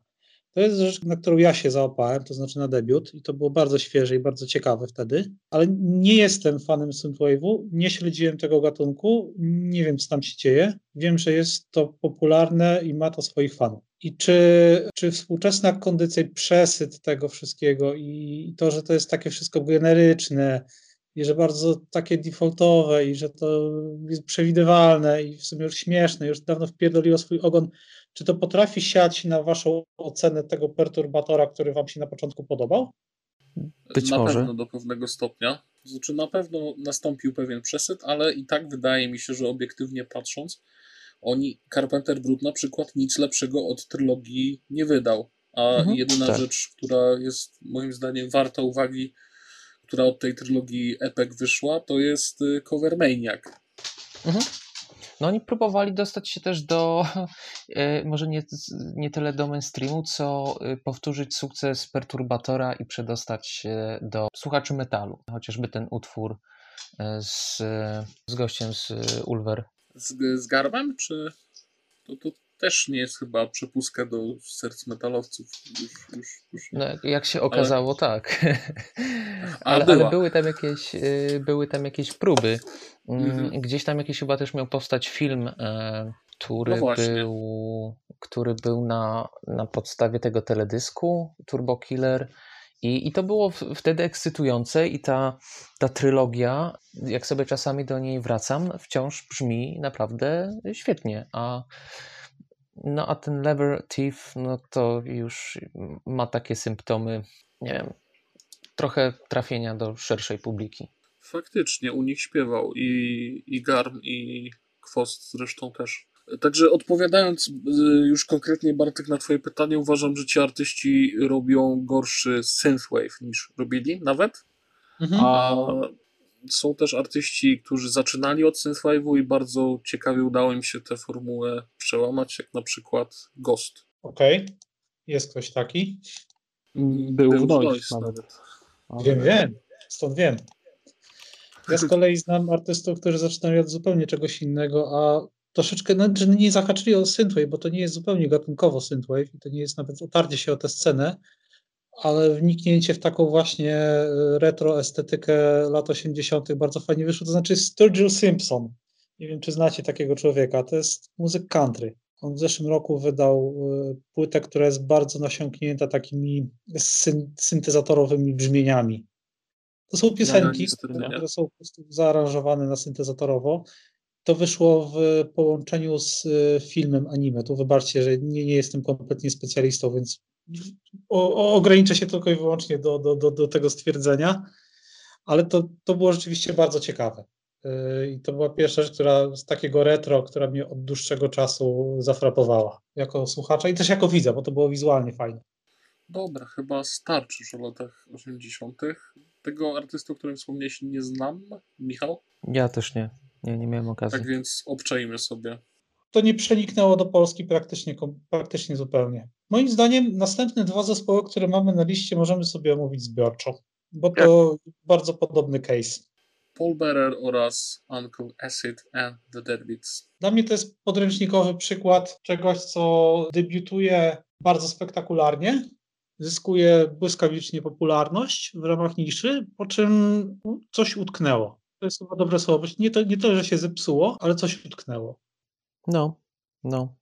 No pe pewnie, jak najbardziej jestem w stanie się, się zgodzić. Gdzieś się rozdrabniają i ostatni Paul Bearer był, może nawet nie ostatni, ale nawet przedostatni, e, bo ten tak? ostatni, tak, bo, bo ostatniego nawet mi się już nie chciało słuchać poza, poza singlami, które sprawdziłem, żeby się upewnić, że nie chce mi się słuchać. Z, za bardzo, mam wrażenie, polegają na tej melodyjności i tej rzewnej e, atmosferze. Nie, nie wnosząc specjalnie no nic. Dla mnie, nic dla mnie oni wyżej niż Foundations of Burden nie podskoczyli i nie zanosi się na to, żeby co e, miało się to zmienić. Znaczy ja mam takie mieszane uczucia, no bo z jednej strony, dlaczego akurat mielibyśmy wymagać od zespołu, który raz się wymyślił, że będzie się wymyślał za każdym razem na nowo, z drugiej strony są przykłady na to, że można, że w obrębie jakiejś tam formuły można ją odświeżać i brzmieć cały czas ciekawie i cały czas pisać dobre utwory. Paul Bear i Acid piszą, no nie wiem, ja słuchałem tych płyt, to, to nie są przecież złe płyty tak naprawdę ale chyba dużo robi kontekst i to, że no, efekt świeżości się już po prostu wy, wyciera. I to, mhm. On się wyciera po pierwszej płycie i niestety przychodzi druga i, i to już nie, nie potrafimy się już tym zajarać tak jak, tak jak się zajaraliśmy pierwszym albumem. Gdyby to ten drugi wyszedł jako pierwszy, to byśmy się nim cieszyli bardziej, ale no, no, no jest jak jest i nie da się już tego tworzyć. No dobrze, to przejdźmy dalej. Chyba tutaj nic więcej nie wymyślimy na ten temat. Moim zdaniem to jest kolejny przypadek, który można omówić zbiorczo w kontekście tych albumów, które te zespoły wydały teraz. Tame Impala oraz Algiers. Okej. Okay. Ja Tame Impala lubię, nie przeszkadza mi, natomiast nie jestem fanem i nie mhm. śledzę specjalnie ich twórczości. Algiers faktycznie ee, no to już nie było to, co Underside of Power i wcześniej. No, no to... Ja jestem psychofanem poprzedniej płyty Tame Impala. Currents jest wspaniałym albumem. Tam mi się wszystko zgadza. To jest, to jest płyta, której się absolutnie zakochałem i, i od lat ta miłość trwa. Natomiast nowa jest po prostu gorsza.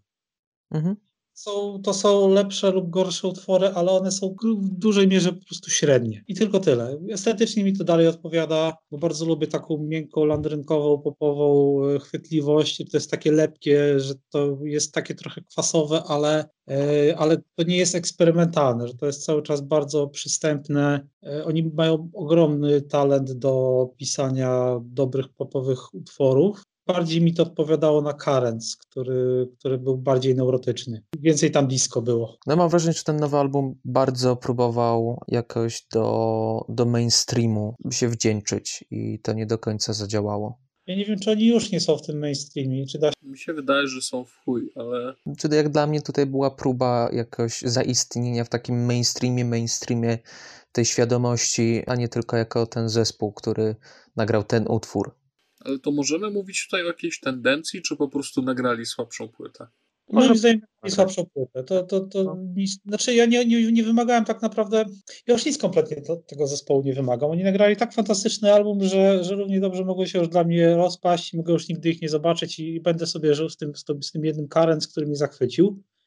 No, poprzednie płyty lubię, no ale to, to nie są rzeczy, które zabiorę ze sobą na, na bezludną wyspę ani do bunkra atomowego, a tutaj, a tutaj po prostu no to jest płyta życia. Czy oni sobie już coś nagrają dalej, czy nie, mogą nic nie nagrywać. Po prostu jest słabsza płyta yy, i tyle. Jakby przejdźmy dalej. Ja, już nic od tego zespołu nie wymagam. Po prostu stwierdzam fakt, to jest słabsza płyta, na której są takie sobie utwory. Nie widzę żadnej tendencji, yy, nie oczekiwałem nic i tak naprawdę nic konkretnego nie dostałem. Trochę inaczej jest Algiers, gdzie rzeczywiście spodziewałem się jakiegoś kolejnego strzału, no i tutaj to, to, to, to, to rozczarowanie jest bardziej dotkliwe, bo bardzo lubię dwie pierwsze płyty. No, ale też mam takie wrażenie, że z kolei tutaj zadziałało coś odwrotnego i oni próbowali bardziej przekazać może jakąś wiadomość. Wysłuchałem tego albumu i były tam fragmenty, którym się słuchało przyjemnie, ale no The Underside of Power to nie jest. No dobra, to pora trochę zmienić klimaty. Co powiecie mi o Cobalt albo Funeral Mist? To, jest, to są zespoły, które ja tutaj wpisałem i może to jest kontrowersyjna opinia, ale ja bym chciał zastanowić się nad tym, czy powroty tych zespołów spełniły pokładane w nich nadzieje. O tak.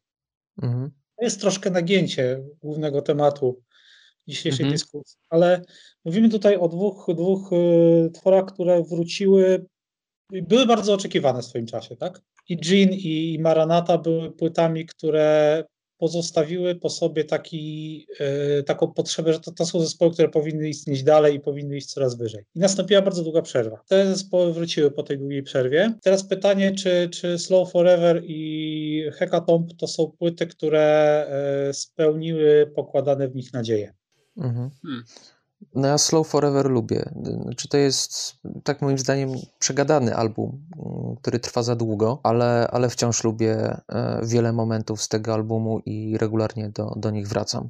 Tak, dla mnie to jest zły album, w sensie realizacji formatu albumu muzycznego, natomiast świetna muzyka, bo bardzo trudno mi jest to przesłuchać od początku do końca, ale jakiego kawałka bym nie włączył, to tak o, po prostu oddzielnie, to rezonuje to ze mną niesamowicie i czuję prerię, czuję przestrzeń, czuję chęć y, rozgniecienia komuś czaszki jakimś tępym narzędziem i czuję jakby wyzwanie swojej wie- zwierzęcej strony w bardzo mocny sposób, więc dla mnie ta płyta działa. Bardzo mi się podoba to, co powiedziałeś o tej płycie, bo chyba właśnie wr- wreszcie ktoś zdefiniował to, co, to, co mi się po głowie kołatało. To znaczy, tak, to rzeczywiście jest zły album, pomyśl w rozumieniu płyty, tak? On jest za długi i ciężko to przebrnąć w całości, natomiast jako taki, jako muzyka, jako poszczególne utwory, to tam jest fantastyczny element animalny i to pięknie, pięknie chodzi. No i też jakby ten zespół stał się zespołem zespołem, znaczy ruszył w trasy i grywał i tak dalej. I sobie upadł i głupi ryj rozwali.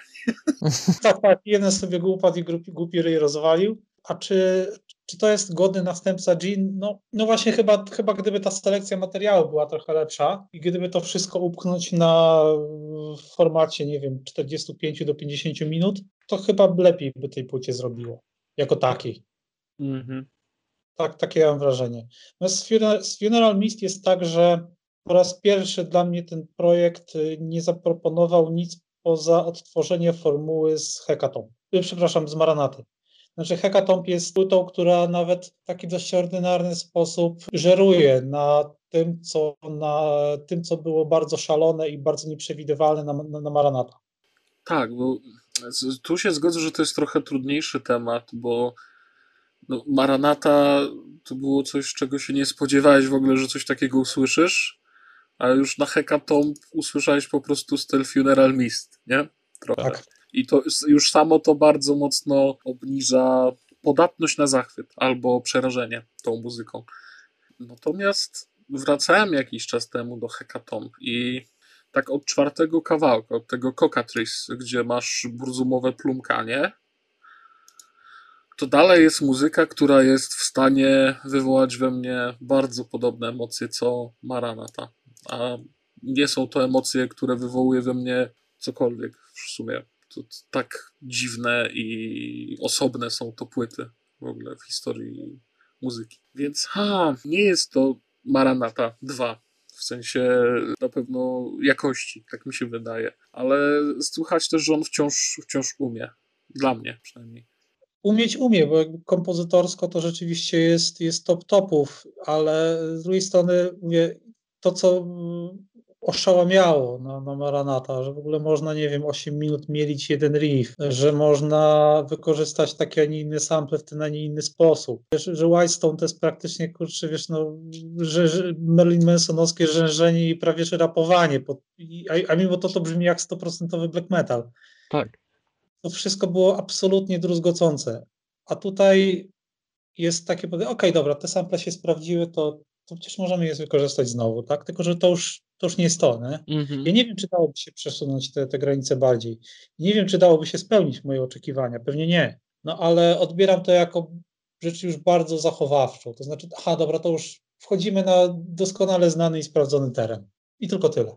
Okej. Dalej mamy The Sword, które y, w sumie można by było też podpiąć pod Paul Berera i Uncle Acid y, and the Deadbeats, tylko że w tym przypadku y, no oni mają, oni są trochę ofiarami jednego utworu, Frey, dzięki któremu stali się popularni, który, gdzie już potem żaden album nie, nie, nie udało im się tego ani odtworzyć, ani zbliżyć się do tego poziomu, do poziomu debiutu, a z każdym następnym albumem coraz bardziej zatapiali się w dosyć przeciętny, przewidywalny hard rock. Nie znam zespołu The Sort i coś mi się po, pomyliło. Teraz właśnie wygooglowałem, że to jest synthwave'owy projekt. Nie. Znaczy Nie. był taki coś tam sort e, zespół synthwave'owy, no ale to jest e, stoner, to jest psychodeliczny e, stoner, który właśnie gdzieś tam na początku przez ten jeden utwór, przez ten jeden album wystrzeliło ich od razu gdzieś do tej e, czołówki tych zespołów, tej sceny stonerowej, wtedy tak popularnej, a potem z każdym następnym albumem e, te oczekiwania zaprzepaszczali. Dobra, synthwave'owy to był Magic Sort, a Tak. tu jest zwykły. To jest zwykły sort. I jak to zwykłe przedmioty, nie budzi już zachwytu. Wizard. To, to jest, to myślę, tak samo jak Slint, y, zespół y, stawiany gdzieś y, jako jeden z pierwszych, jako ten zespół zmarnowanego potencjału, tylko że w tym przypadku z nieco innych powodów, bo nie rozpadli się wtedy, kiedy powinni. Tak, tak. Wizard po prostu stwierdził, że tak, jesteśmy geniuszami muzyki, ale chcemy zarabiać pieniądze na swoim graniu i czy można ich za to winić? No nie można. Zespół, który nigdy nie nagrał tak dobrej płyty, jak ich pierwsza płyta i tyle. Jest milion tak. takich zespołów, ale no cały czas ta pierwsza płyta jest, jest świetna. Trudno mi Albo powiedzieć, druga. Czy, czy tam był jakiś potencjał na coś więcej niż to, czy co miałoby się z tym zespołem stać. Znaczy, niektórzy twierdzą, że właśnie ten pierwszy album, że, że Blue, e, a inni, że Pinkerton, więc e, w nieco inny sposób, ale udało, myślę, im się powtórzyć sukces debiutu, tylko że wśród innych osób. E, No a potem to już była taka trochę sinusoida, gdzie wydawali zły album za kolejnym e, złym albumem, po czym gdzieś tam światełko w tunelu, e, gdzie album był przyzwoity, e, gdzie e, to bodajże było w okolicach białego albumu. Też wtedy się ten ukazał z takim obrazem mm, na okładce. To był Everything Will Be Alright in the End, gdzie też dawał takie szanse. No a potem był już Pacific Daydream, Till Album, Black Album, które są jednymi z, jednymi z, z gorszych w ogóle w ich karierze, o co, o co Właśnie White trzeba Album się jeszcze postarać. coś tam próbował, nie? Robić, ale no cóż. To było cheesy, to było e, miejscami śmieszne, a jak to puściłeś komuś niektóre fragmenty, z chociażby z Everything Will Be Alright in the End, to patrzyli się na ciebie dziwnie, ale, ale miało to potencjał, gdzieś tam jakieś się światełko zapaliło, że, że są w stanie wyjść z tej ciemnej dupy, no ale niestety. Baroness. Baroness jest zespołem, którego szczerze nienawidzę. Więc Dlaczego? Pro- Och, od, od czego tu zacząć? Nie, nie wiedziałbym, czy, czy, czy, czy zacząć od y, okropnych wyborów estetycznych, czy od najgorszego, najbardziej wkurwiającego wokalisty świata. E, nie wiem, jest, jest to zespół, który bardzo źle na mnie działa i najchętniej bym się wyłączył z dyskusji o tym zespole, ponieważ nie ma tam żadnego potencjału, którego realizacji mógłbym dyskutować. Mm. Rozumiem jakąś obiektywną wartość tej muzyki, oczywiście, że tak. I wiem, że na, na, na żółtej płycie były dobre rzeczy, ale jako, jako całość strasznie mi to irytuje. Od czerwonej płyty. Mhm. No, ja chciałem tylko dodać, że mi się trudno słucha całych albumów, w sensie w całości, e, a bardziej poszczególnych utworów, ale jak dla mnie ten ostatni album e, już gdzieś tak wpadł w jakieś odmęty i może w trochę w, w ego mm, Johna Dyera, Baselego i, i jego przekonania, że, że potrafi miksować, produkować i tak dalej. E, Nie wiem, czy to on to, to tak mi się wydaje, no bo to jest też w jego wytwórni. Nie wiem, czy on miksował, ale on na pewno zatwierdził, a bardzo ciężko się tej płyty słuchało. Strasznie. No Baroness wydaje mi się, że po prostu rozwadniał swój potencjał, próbując robić to, co robi do tej pory, ale w trochę bardziej hitowy sposób. To nie działało po prostu. No, gdzieś udało im się to osiągnąć tak optymalnie na Yellow and Green, no ale był to trochę dla mnie za bardzo przegadany album, no bo dwupłytowe wydawnictwo, a jak nie jestem w stanie przejść jednego albumu od początku do końca, no to tym bardziej nie będę w stanie mm, podwójnego. Purple, do Purple mam, mm, mam nawet jakiś sentyment, bo ukazał się w takim czasie, że, że te utwory do mnie jakoś przemawiały, ale już te symptomy koszmarnej produkcji tam były i przesadzonego hitowania i e, takiego wdzięczenia się do, do mainstreamu. No ale ten już ostatni album jest, jest koszmarny. To podobno jakiś tam ostatni rozdział e, tej kolorowej, e, tych, tych kolorów u nich, ale e, nie wiem. No teraz patrzę, że, że, że, produkował kto inny, ale i to osoba, która produkowała Wizera chociażby. e, więc nie, nie wiem, nie wiem, nie rozumiem tych wyborów e, z ostatniego albumu i ciężko mi było przebrnąć e, chociażby przez, e, przez fragment, przez część tego, tego albumu. Dużo więcej instrumentali były, które były jak, jak dla mnie zupełnie niepotrzebne, a same utwory przez koszmarną produkcję zepsuł jakikolwiek jakikolwiek potencjał do cieszenia się ich muzyką. Wydaje mi się, że Kazus trochę podobny do Keller, tak? Chociaż może trochę świeższy teraz. Royal Blood. W sumie wydali dwie płyty. Może nie, nie zasługują aż tak na to, żeby się tu znaleźć jak Keller, tak? Ale ta płyta pierwsza tak bardzo mi się podobała, a ta druga była tak bardzo niespełniająca tych oczekiwań. Mm -hmm. Czy... że zdecydowałem się tu ich jednak zamieścić. No ja ci powiem, że wróciłem sobie do debiutu e, jakiś czas temu i nie wiem, nie słuchało mi się już za dobrze tych utworów, szczerze powiedziawszy. Mówisz. E, nie, nie został ze mną e, ten ta sympatia jakoś do nich. Nie zestarzały się te utwory, jak, jak na mój gust, za, za dobrze, może przez względy produkcyjne. Mm, gdzie nie do końca ten garaż y, zadziałał w niektórych przypadkach, e, ale nie, nie mogę im odmówić tej energii i e, tego, że próbowali być takim Black Kiss, ale bardziej garażowym. Nie wiem, ten, ten album drugi już, już zupełnie się z nim rozminąłem. Wydaje mi się, że tutaj ograniczenia tej stylistyki, którą oni wybrali po prostu zadziałały i w tej formule, w formule nie miało to szansy brzmieć świeżo, równie świeżo co debiut. Mhm. Dobra. Zamykamy tę sekcję chyba, chyba że Bartek chcesz coś powiedzieć o Real Blood? Nie, nie, nie, zupełnie nie mam nic do powiedzenia na temat zespołu Real Blood. Ale następna sekcja brzmi ciekawie, dlatego że chcemy porozmawiać o zespołach, które y, szły w górę, ale coś się popsuło. Mhm.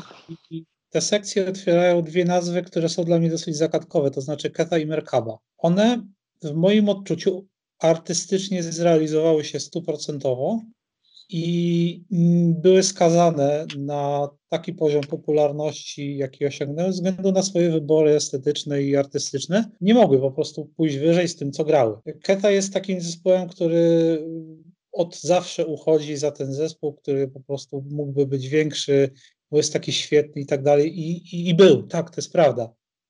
Ale mam takie poczucie, że ten potencjał był artystyczny, on się zrealizował i tyle. I mhm. podobnie jest z Merkaba. Merkaba to już jest w ogóle zespół, który jak na to, co oni grali, to oni byli super gwiazdami, moim zdaniem. Zgadzam się ze wszystkim, co powiedziałeś. Y, natomiast to są dla mnie właśnie podręcznikowe przykłady. Docenione przez krytyków. Tak, tak. zwane. Mhm.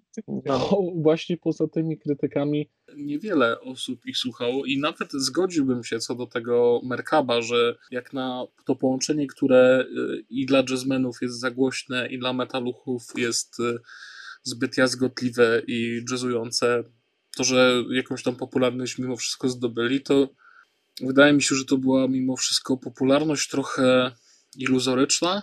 Jakby głównym dla mnie tutaj gwoździem do trumny, żeby, żeby ich tu wpisać, było, był koncert, który oni grali właśnie razem z Ketą zresztą i razem z So Slow.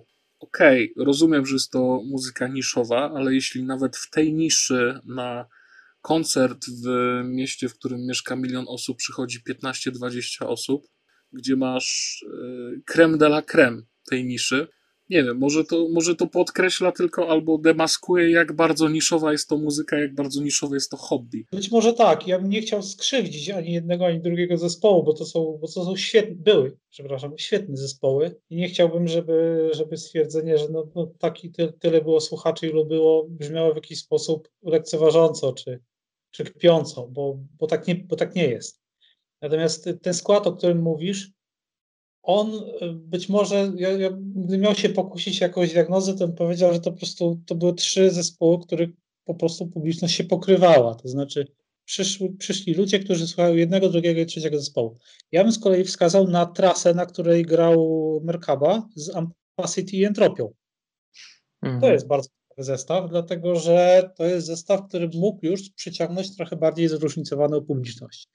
I z, tak ekspercko patrząc na y, ludzi, którzy przyszli na, ten, na tę trasę w Gdańsku, to się udało. W Krakowie też się udało, z Tak, tego co pamiętam. cały klub był zapełniony.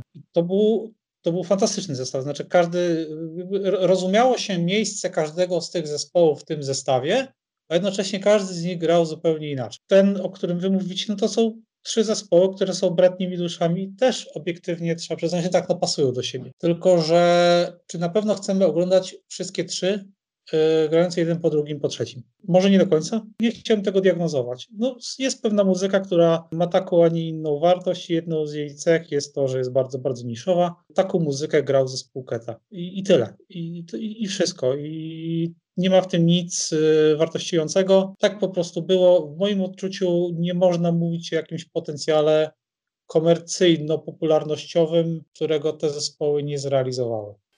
A nie masz poczucia, że gdyby na przykład Keta grała na zachodzie, to miałaby jednak mimo wszystko duży potencjał komercyjny? Albo no, jakikolwiek potencjał komercyjny? Gdyby każdy z nas urodził się na zachodzie, to byłby pięknym, Dobra. bogatym człowiekiem. Nie wiem. Nie wiem. Nie wiem, trudno powiedzieć, bo na zachodzie gra, gra, grają różne zespoły, takie jak Keta. Coś nagrywają i każdy z członków tych zespołów ma e, daytime job e, i każdy ma swoje życie i raczej nie słyszę się o tego typu zespołach, które, nie wiem, są gwiazdami, żyją z tego. Na pewno jakieś uwarunkowania geograficzne tutaj wjeżdżają, ale to jest jakby y, rozmowa na, na zupełnie inny podcast. To prawda.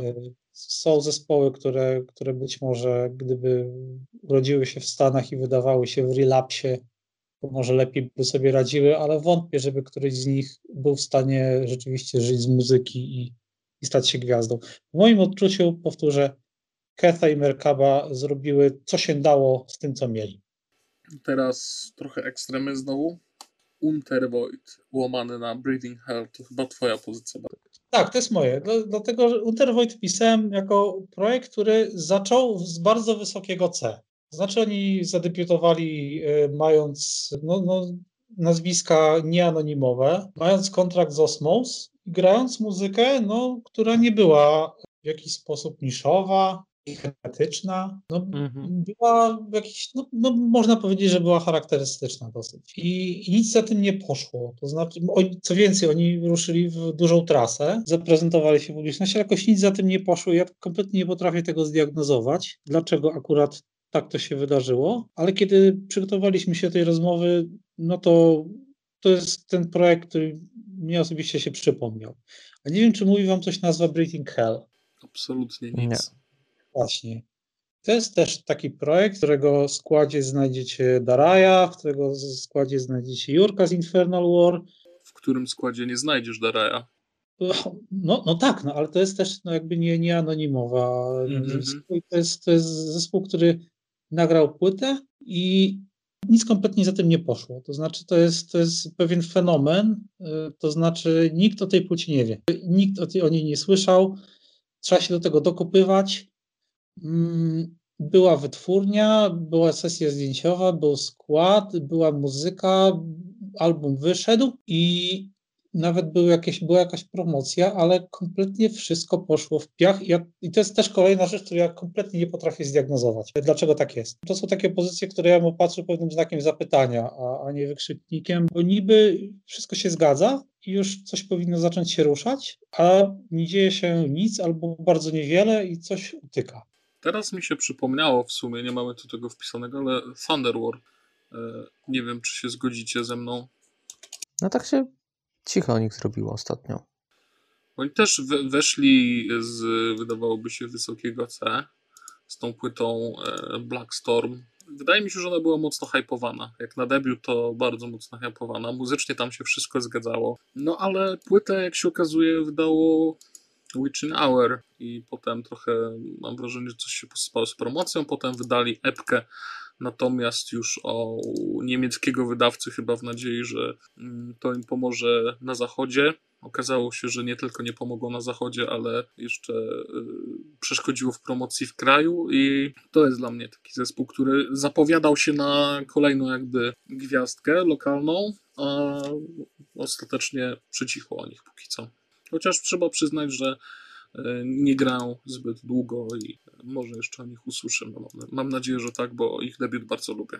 Może mieć to coś wspólnego z tym, że aktywność człowieka z Thunder War przesunęła się na Imperator i trochę strzygi, ale może tego w Tak. ogóle nie jest. Nie wiem tego, trudno mi powiedzieć. Słuchałem tej płyty, to nie była zła płyta, ale też nie była jakoś na tyle rewelacyjna, żebym w tym upatrywał jakiej, jakiejś nowej sensacji. O tak. Po prostu solidna metalowa płyta i tyle. Mhm.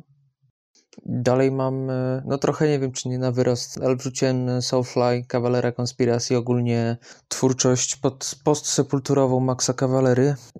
Nie cierpię obu projektów, nie znoszę e, i Soulfly i Cavalera Conspiracy, nie, nie znajduję tam nic kompletnie dla siebie. Nie jestem też jakimś fa wielkim fanem Sepultury, ale doceniam to, co tam, tam było robione i spodziewać by się mogło, że człowiek, który był częścią takiego projektu, będzie w stanie coś zrobić ciekawego z, ze swoimi następnymi projektami, a, a za, zarówno Soulfly i Cavalera Conspiracy są dla mnie takimi zupełnie chybionymi strzałami. Znaczy ja, ja czuję się troszeczkę niezręcznie, musząc bronić Soulfly, ale No, e, zobacz. ja po prostu jestem tak stary, że pamiętam jak wyszła pierwsza płyta Soulfly. Ona nie była źle odebrana, Mhm. e, wręcz jeżeli wyszły obok siebie te, ta pierwsza płyta Soulfly i ta, ta pierwsza płyta Sepultury, no to jednak ciężar sympatii się przesunął w stronę Soulfly'a, również dlatego, że ten nurt metalowy był wtedy jeszcze cały czas na fali. I choć ja już wtedy też ciążyłem w kierunku troszeczkę innych brzmień, no to jednak ten Soulfly wydawał się być logicznym i sensownym rozwinięciem pomysłów z Roots. Mhm. Ta płyta się, no, no nie, nie brzmi momentami zbyt, zbyt świeżo dzisiaj, no troszeczkę się postarzały te wszystkie rapowane momenty i ten taki nachalny folk, ta cała jump the fuck up estetyka, która była już absolutnie niestrawna na, na kolejnych albumach. No, zastanawiam się, jak to, jak to podciągnąć pod zmarnowany potencjał, jaki potencjał tam był. Soulfly miał obiektywnie udany debiut, tak bym to ujął. Potem z tym zespołem działy się różne dziwne rzeczy. Yy, Były te skoczne groovy metale. Potem Max Cavalera zaczął zapowiadać, że ten album będzie jego najbardziej metalowym albumem od wpisz płytę Sepultury oraz, że inspiruje się wpisz klasyczny zespół z katalogu Earache Records. Albo to będzie właśnie, albo te, te potem jego koncerty z Soulfly, grając Roots, gdzie masz skład festiwalu. Dzień pierwszy Max Cavalera, Soulfly gra Roots, dzień kolejny Sepultura y, z zestawem swoich największych przebojów. Tak, tak, tak, ale to już jakby wynikało, z, to, był, to, to był też efekt starzenia się metalu i, i tego, No że publiczność po prostu takie, a nie inne oczekiwania miała i czekała na swój koncert życzeń. Max Cavalera jest starzejącą się gwiazdą metalu, która robi co może, żeby jakieś pieniądze jeszcze zarabiać. Nie mam, nie wiem jaki potencjał miałby tutaj być. Ja, ja uważam, że, że, to, co ten człowiek zrobił w latach 80. i 90., to już mu postawiło pomnik. I ciężko cały czas oczywiście do tego referować, zwłaszcza jak się ma 20 parę lat, to całkowicie rozumiem. Ale No nie, to jest, no, nie, nie da się cały czas być aż tak bardzo na szczycie. To są po prostu zespoły, które nagrywają troszeczkę siłą rozpędu. Wydaje mi się, że dla zawodowego muzyka z takim stażem nagranie nowej płyty nie jest aż takim problemem w sensie ograniczeń technicznych, czy, czy, czy no, no to- jest po prostu fachowiec, który wchodzi i robi swoje. Nikt się już za wiele po nim nie spodziewa. Soulfly i Cavalera Conspiracy utrzymały Maxa Cavalera przy życiu i na scenie, więc w tym sensie zrealizowały swój potencjał. Nie Mhm. przebiły one, i, i co wie, o może inaczej, przebiły one e, Maxa Cavalera do świadomości młodszego pokolenia, w rozumieniu młodszego niż ja, dla których Soulfly jest tym kluczowym zespołem, a nie jakaś tam sepultura. E, I to jest dobre, i to jest słuszne, i tak powinno być. To jest w tym sensie, to są, one zrealizowały swój, swój potencjał, taki był ich cel i to się wydarzyło. To, że one dla mnie nie równają się artystycznie starym płytom Sepultury, to jest już jakby tylko i wyłącznie mój problem. Pewnie. No, no, mnie też nie było przy tym, jak pierwszy album Soulfly się ukazywał, a dla mnie już ten, e, słuchając go z, z, z tej perspektywy czasu, nie, może nie jestem w stanie poczuć trochę tego kontekstu, kiedy to się e, ukazywał. Ci w słowo, ale jest coś ciekawego w tym, że Max Cavalera jako jeden z tych właśnie z tego pokolenia, jako być może jedyny z tego pokolenia traszowców, rzeczywiście e, odnalazł się w tym nurcie new metalowym i był w stanie grać muzykę, która była słuchana przez takich naprawdę młodych słuchaczy, nie? Komu to się, to się mogło wydawać śmieszne i można się śmiać z tego kurdego kołtuna, który on nosił na głowie i, i z tych dresów i z tej całej estetyki, jednak jemu się to udało. To jest człowiek, który był e, starym kataniarzem w latach 80., słuchającym tej, tej, tego, tego Sodomka i tego Distraction, ale e, kiedy pojawił się Korn, on umiał tego Korna wchłonąć, przetrawić i zrobić z tego coś swojego. Dało się to do pewnego stopnia Robowi Flynnowi, ale chyba tylko im. Albo mi, albo mi coś się omija, albo po prostu to, jest, to są jedne przykłady, które przychodzą mi teraz na, na gorąco do głowy. Ale cała reszta to były jednak e, z tego pokolenia cała reszta muzyków to byli jednak ludzie, którzy jechali na pomysłach stworzonych jeszcze w latach 80. i na początku lat 90. A on, co by o nim nie mówić, wymyślił się na nowo. I z, z tej strony patrząc, tak, jestem, jestem w stanie to, to szanować, chociaż, no, tak jak mówię. Ee... Szanować, no nie rozpędzajmy się, może po prostu ta, zrozumieć. Tak, zrozumieć. No. Bo naprawdę, ja Michała tutaj będę bronił z perspektywy naszej, e, tego pokolenia jeszcze późniejszego, które e, no nie poznawało tych płyt na bieżąco, jak właśnie przebijasz się przez sepulturę i trafiasz do tego momentu, gdzie jest Chaos AD, jest Roots, potem słyszysz, że y, nie no, te kolejne płyty nie są aż takie fajne, co się zmieniło? Aha, bo ten Kawalera odszedł. Dobra, sprawdźmy co gra. Aha. Mhm. No dobra. Aha.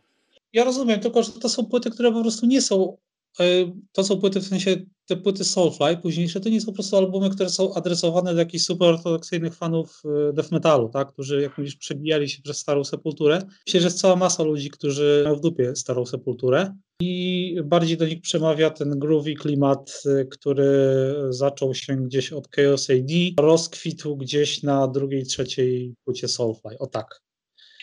Więc tutaj będę się opierał przy swoim, że nie słuchając Maxa y, Kawalery dzisiaj, y, uważając, że ta muzyka jest dosyć okropna, wiem, że on dotarł z nią do nowego pokolenia. O tak. Okej. Okay. Odradza.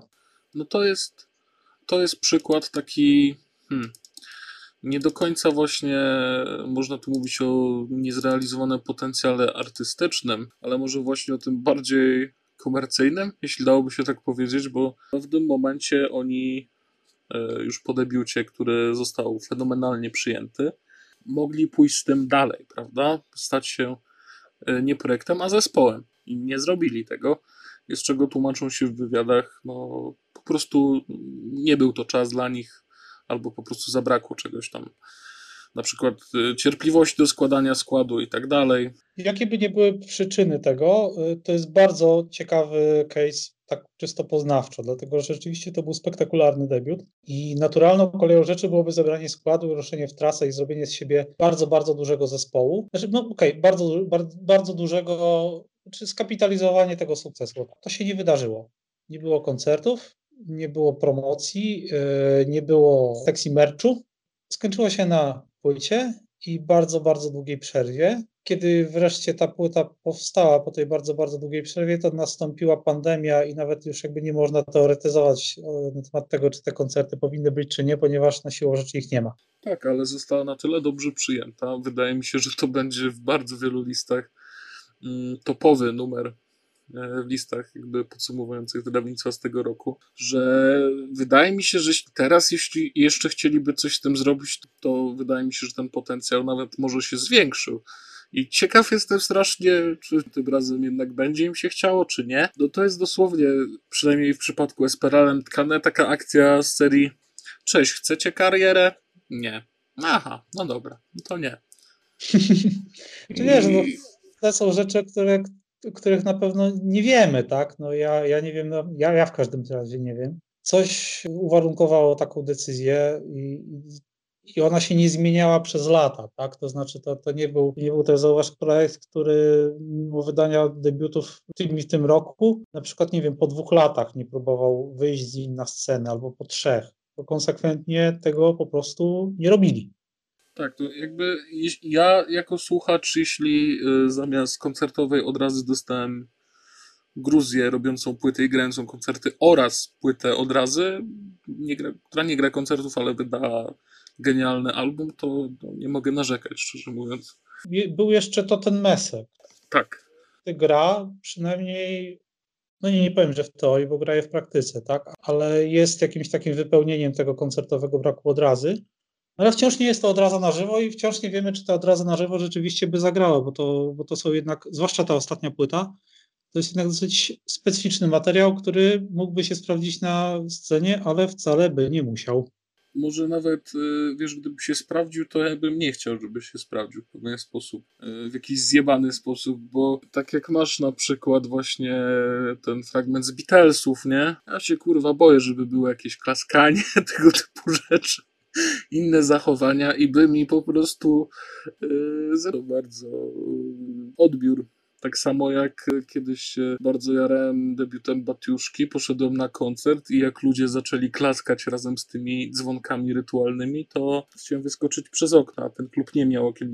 Nie, no ja rozumiem, że na tak mistycznym koncercie no to było nie w miejscu i tutaj w pełni się utożsamiam z tym, co mówisz. Natomiast co do odrazy, może rzeczywiście byłoby coś fajnego w tym, gdyby ten zespół pozostał studyjny już na zawsze i w tym byłoby na co czekać, albo byłoby coś ciekawego w tym, że ok, to już zawsze zostanie tylko i wyłącznie studyjne. I że już nigdy tego na scenie nie usłyszymy, bo też nie ma takiego obowiązku, żeby wszystko na tę scenę wynosić. Mhm. O, o niezrealizowanym potencjale na pewno mówimy tutaj w kontekście tego, że był potencjał komercyjny i on się nie zadział po debiucie. Druga płyta jest bardzo udana. Co będzie dalej? No, no, no, no, być może będzie po prostu, nie wiem, trzecia płyta za jakiś czas, albo tej trzeciej płyty nie będzie i, i też okej, okay, prawda? Okej, okay, pora przejść do ostatniego segmentu naszego podcastu, który jest zatytułowany Różne. Będzie tu trochę zespołów, które same podkładały sobie nogę, same rzucały sobie kłody na trakt.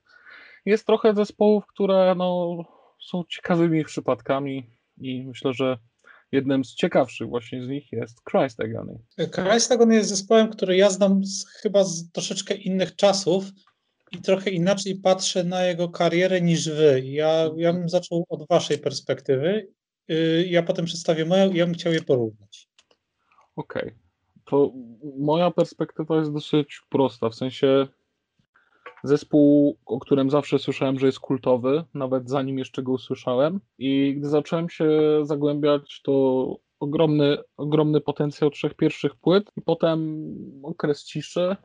I w końcu ta ostatnia, która e, była zbackupowana świetną trasą, która wypełniła kluby, które miały świetny skład, tam Rage Hammer, Thy Worshipper, Stillborn bodajże na drugiej odnodze, nie chcę skłamać, e, co tam jeszcze było. Morda e, I wydawałoby się, że Morda była? Może mi się pomyliły koncerty, bo, bo Nie chyba... No, może, może byli. No i wydawało się, że właśnie oglądam jakąś legendę przed lat, która jest jakby w tym momencie, że jak oglądasz czasem filmy o starych żołnierzach albo o starych sportowcach, znaczy może nie starych, ale w wieku średnim, to czasami jest ten moment story arku, że już przezwyciężają kryzys, jakby dostają drugiego wiatru w skrzydła. Jakby patrząc na Cezara na scenie, miałem wrażenie, że on właśnie ma ten drugi, trzeci wiatr w skrzydłach, że jest znowu na wschodzącej fali, że znowu rządzi, czuje, że może z tym coś świetnego zrobić i potem to się wszystko rozjebało, wiesz, o jakieś takie głupie, głupie rzeczy.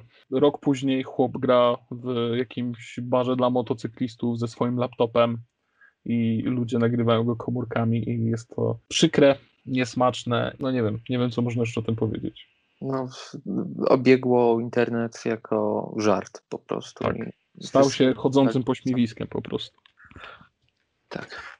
To, znaczy, to są bardzo mocne słowa i no rzeczywiście może muzyk stojący na scenie i grający pod beat lecący z laptopa coś, co ma być w założeniu black metalem, no nie wygląda może najlepiej to się zgodzę. Znaczy mi chodzi o całokształt, wiesz, tak. tego upadku, nie? że tak, oczywiście. Natomiast Krajstagony w mojej optyce to był zespół, który w tej drugiej połowie lat 90. był postrzegany jako coś, co powinno robić światową karierę. Bo to Mhm. była bardzo oryginalna muzyka. Ona była rewelacyjna pod każdym względem i ona odstawała na, na tle polskiej sceny, nawet wiesz, produkcyjnie, estetycznie. To było e, bardzo charakterystyczne brzmienie, tak? To był zespół, Krajstagony, który grał jak Krajstagony Mhm. była szkoła norweska, to nie była szkoła grecka. To, było, to były długie, epickie, ale bardzo chwytliwe utwory. To były świetne riffy. To były te właśnie pierwsze trzy płyty, o których mówiło się, no tak, no to, to jest coś, co powinno funkcjonować na zachodzie. I no, na zgrzebne warunki lat 90. w Polsce, to ten zespół miał status supergwiazdy. Miał świetny skład, miał bardzo dobre brzmienie i wszystko wyglądało bardzo dobrze, aż nagle przyszła płyta, która się nazywała Dark Side, która była płytą eksperymentalną, byśmy dzisiaj powiedzieli. Tam były elementy muzyki folkowej, tam były ele- elementy muzyki elektronicznej, tam były elementy muzyki techno. I już tam pomijam fakt, że one były nieudolne, takie jak, na, jak, jak, wiele, jak wiele ówczesnych eksperymentów metalowych z taką, z taką muzyką. Ten przeszczep został kompletnie odrzucony przez scenę metalową i to było takie duże, spektakularne potknięcie kapeli, o której się mówiło, tak, to są kurwa wielkie gwiazdy. Tego poślizgu nie dało się już potem odrobić w moim odczuciu, to znaczy każda kolejna płyta Krajstagony była próbą naprawienia tego, nie wiem, no nie chcę powiedzieć błędu, tak, no bo ja w gruncie rzeczy nawet lubię ten materiał, ale tego wyboru, o tak. Kolejne płyty to były, one były lepsze, gorsze, one już miały bardziej piosenkowe struktury. E, Elysium było nawet niezłą płytą, ale to już nie było to. To już jakby, już wiadomo było, że, że, że to dziewictwo zostało utracone i ta magia gdzieś została, e, gdzieś przepadła, gdzieś uleciała, że, że tej trylogii razy dwa już nie będzie. I ten, I ten Krajstagon już na zawsze utknął w Polsce, na zawsze utknął w tych klubowych koncertach. No a potem, potem działo się to, o czym wy mówiliście. Jakoś tak nie mam za bardzo serca, żeby, żeby, tego, żeby to oceniać, no bo, no bo nie mam po prostu. Tak mam bardzo, bardzo duży sentyment do tych pierwszych trzech płyt i tego, co było przed nimi. I nie chciałbym tutaj, wo, wo, wolę, żeby to mi zostało w sercu, natomiast y, moim, w moim odczuciu zmarnowany potencjał zespołu Krajstagony to jest właśnie to, że oni z tymi trzema pierwszymi płytami nie stali się gwiazdą, że ta muzyka nie wyszła szerzej na zachód, a uważam, że naprawdę się nieźle, nieźle zniosła próbę czasu i gdyby nie, nie, nie, nie ma żadnego gdyby, ale ona mogłaby znaleźć dużo większy acclaim, również dzisiaj. Wtedy nie znalazła go, myślisz, ze względu po prostu na geografię, ekonomię i tak dalej, czy Myślę, myślę jak ci odpowiedzieć. Też na pewno, jak wiele innych. Mówię, oni byli super gwiazdą na warunki podziemnego metalu polskiego, tak? Ze wszystkimi walorami i wadami tego stwierdzenia. Czy mogło być inaczej? Nie wiem, nie byłem Cezarem, nie siedziałem z nim w domu, nie mam zielonego pojęcia, jak to rzeczywiście mogło wtedy być. Wiem, że muzyka jako taka miała ten potencjał i wierzę w niego, że, że miała ten potencjał i wierzę, że dzisiaj również dobrze się tego słucha. Czy mogło być inaczej? Nie mam zielonego pojęcia. chyba przejdziemy po prostu do kolejnego, jeszcze bardziej pokręconego przypadku. Natomiast to jest w ogóle bardzo przykry przypadek. Z- To jest narkotyki nawet nie raz po prostu, no.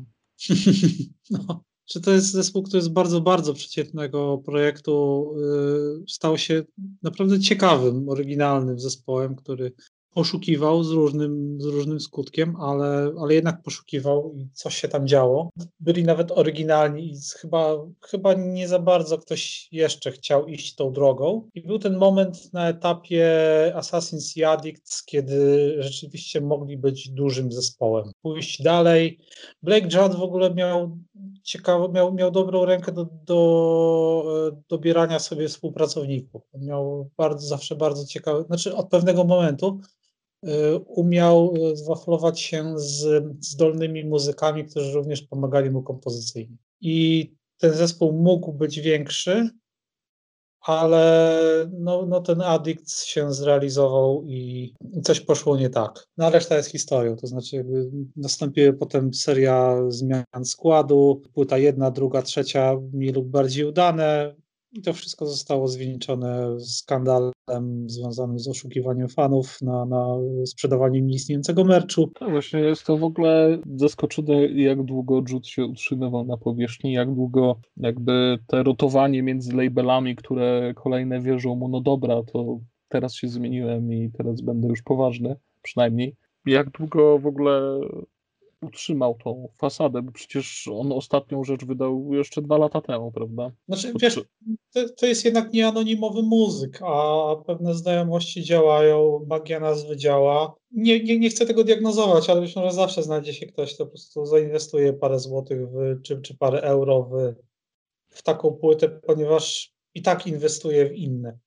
Więc mhm inwestować w coś, co, co nie, jest nieanonimową nazwą i na pewno ktoś już to kojarzy i ktoś to kupi. Tym bardziej, że w moim odczuciu to nie były za materiały, te, te, te ostatnie rzeczy, które na Christium nagrywał. Nie, Kto nie, to... ale to jest, y, właśnie w tym jest, to jest chyba największa tragedia, nie? że to jest naprawdę utalentowany gość. Znaczy, nie, no nie można tak mówić, bo zawsze jest tragedia coś takiego się dzieje z człowiekiem. Natomiast no, wydawało mi się, że po tym przewale, gdzie Century Media, te preordery nie doszły i Century Media musieli, musieli sami jakby wysyłać ludziom to, co, to, czego on nie wysłał, no, że po takim fakapie z tak dużym labelem, no już nikt go nie będzie chciał przygarnąć, a jednak udało mu się jakoś tam lawilo, lawirować i wydać jeszcze sporo, sporo rzeczy. Nazwy, no, to jest, to, to jednak trochę działa. Nie wiem, nie chcę komentować ani diagnozować kwestii związanych z nałogami, bo to jest, nie jestem terapeutą i nie znam się na tym to są trudne i przykre sprawy. Wolę go pamiętać z czasów, kiedy, kiedy po, po Addicts y, byliśmy w kontakcie, robiliśmy jakiś tam wywiad i wtedy się wydawało, że kurczę, że trzymamy go, za gościa kciuki, bo kurde, to będzie naprawdę fajny teraz duży zespół i gość się dźwignie, nie? Mhm. A, a, było po tym, jak było i, i tyle. Natomiast y, Gdzieś w międzyczasie powstały całkiem niezłe płyty, moim zdaniem. W, w, w, czasie tego upadku zadziało się parę niezłych materiałów, tak powiem tyle, tyle zostało z tego zespołu, który jeżeli wróci za dwa lata, to się wcale nie zdziwi. Mhm. Ten pentagram, który tutaj został wpisany, to jest jakby nie do końca tutaj pasuje o tyle, że to jest zespół, który istnieje już tak długo, że trudno tutaj mówić o niezrealizowanym potencjale. Natomiast rozumiem, co, o co ten zespół robi na tej liście. Rozumiem, że roz, rozmawiamy o, o sytuacji osobistej Bobiego Liblinga, tak? Znaczy wiesz, to też jest dosyć złożony przypadek i naprawdę w, jeśli chodzi o pentagram można by mówić nie tylko o tym, ale też e, o tym, że oni mieli bardzo potencjał na bycie może nawet drugim Sabbath, ale już wtedy właśnie na początkach kariery tam tyle rzeczy było dysfunkcyjnych, że no, 15 lat się modlili nad wydaniem debiutu, prawda? No tak. 14. I potem, jak już ten debiut w końcu wydali, bo wcześniej byli legendą podziemia, powiedzmy, tak, ale wydali w końcu ten debiut, mieli szansę się załapać na parę tras, to właśnie zachowania Liblinga dosyć ekscentryczne, e, albo ich wykopywały z tych tras, albo utrudniały kolejne jakieś deale promocyjne pod tym względem. No, wydaje mi się, że oni mieli naprawdę być, e, mieli potencjał być naprawdę czymś więcej niż taki klasyk, powiedzmy, pewnej niszy, którzy znają wyjadacze i mogli być naprawdę bardzo dużym zespołem. Wydaje mi się, że ten materiał no, mieli, jeśli chodzi o muzykę. Mhm.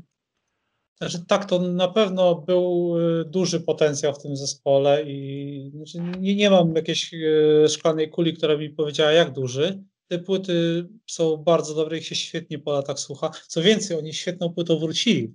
To była ta płyta Last, Last Rides, która, tak. która była bardzo dobrze odebrana i to był bardzo dobrze brzmiący i zaśpiewany album, świetne numery, e, który trafił w swój czas. Bobby Liebling był też bohaterem takiego filmu, który się nazywa Last Days Here, prawda? Właśnie. To jest bardzo poruszająca kronika upadku człowieka i jego próby podniesienia się. Zwieńczona niestety bardzo, bardzo przykrym i niesmacznym skandalem. Nie, nie wiem, czy skandalem to jest dobre słowo. No tym wyrokiem? Nie wiem, e, epilogiem po prostu. Jaki dopisało życie, jeśli chcemy być poetyccy. Więc tak, z tym, tym epilogiem, które dopisało życie, tak. Nie, nie, nie pasują ci do tej kategorii zmarnowanego potencjału? Znaczy, pasują mi do, tego, do tej kategorii, ale to jest tak złożone i tak delikatne, że aż Mhm. sam próbuję sobie to w głowie poukładać, jak, jak, miał, jak miałbym to opisać w dwóch zdaniach, bo chyba się nie da. Ale to jest rzeczywiście bardzo smutna i poruszająca historia tego, jak, jak własne demony potrafią rozpierdolić coś, co świetnie się zapowiada, jak nawet świetnie się realizuje, no bo przecież to, jest, to nie jest anonimowy zespół i to nie jest zespół, który gdzieś przepadł jako niszowy klasyk dla trzech y, piwniczaków. Tak? To, to jednak mówię, że te dwie pierwsze płyty są, są klasycznymi pozycjami takiej muzyki. I oni też bardzo ładnie wrócili. I to, to, to, to nie jest coś, co można powiedzieć o, o większych zespołach od nich, że, że, że ładnie wrócili, że, że płyta, Mhm. która jest nagrana po miliardzie lat, jest, jest naprawdę dobra. A ta płyta była naprawdę dobra. Powiem tak, dobrze, że powstał ten film o Bogim. Mam nadzieję, że mimo wszystko to jest coś, co będzie krążyło i będzie źródłem pewnych refleksji na pewne tematy. Tak, przypomnijmy jeszcze raz tytuł Last Days Here w reżyserii Dona Argota i Damiena Fentona. Dobra, Dobra, e, dalej, Zach de la Rocha. W, w jakim kontekście tutaj został umieszczony? w kontekście mega charyzmatycznego gościa, który jakby zupełnie się wypisał z muzyki po tym, gdy Rage Against the Machine się skończyło. Znaczy był tam jakiś, była jakaś próba nagrana solowego materiału. Digging for Windows się ten singiel nazywał. Tam chyba nawet e, w produkcję był zaangażowany LP z Run the Jewels. Gdzieś ta współpraca z nimi jakaś przypominała o nim w, mainstreamie. On się pojawia praktycznie na, chyba nawet na każdym albumie Run the Jewels w jakiś sposób. Mhm. I Szkoda, że nie robi nic solowo. To, to, jest, to, to, to się zgadzam, że no po prostu szkoda. No od czasu René tylko się dogrywał właśnie Run the Jewels na ficiki, a na ten jego solowy album, no tam nie tylko LP, ale też DJ Shadow, Dan The Automator, e, Ronnie Size i, i wiele innych osób miało być zaangażowanych, zresztą Trent Reznor chyba miał to nawet produkować, więc e, nadzieje były bardzo duże, ale okazało się, że solo jakoś to, no nie wiem, nie działa. Teraz ten reunion przerwany przez e, sytuację pandemiczną, zobaczymy.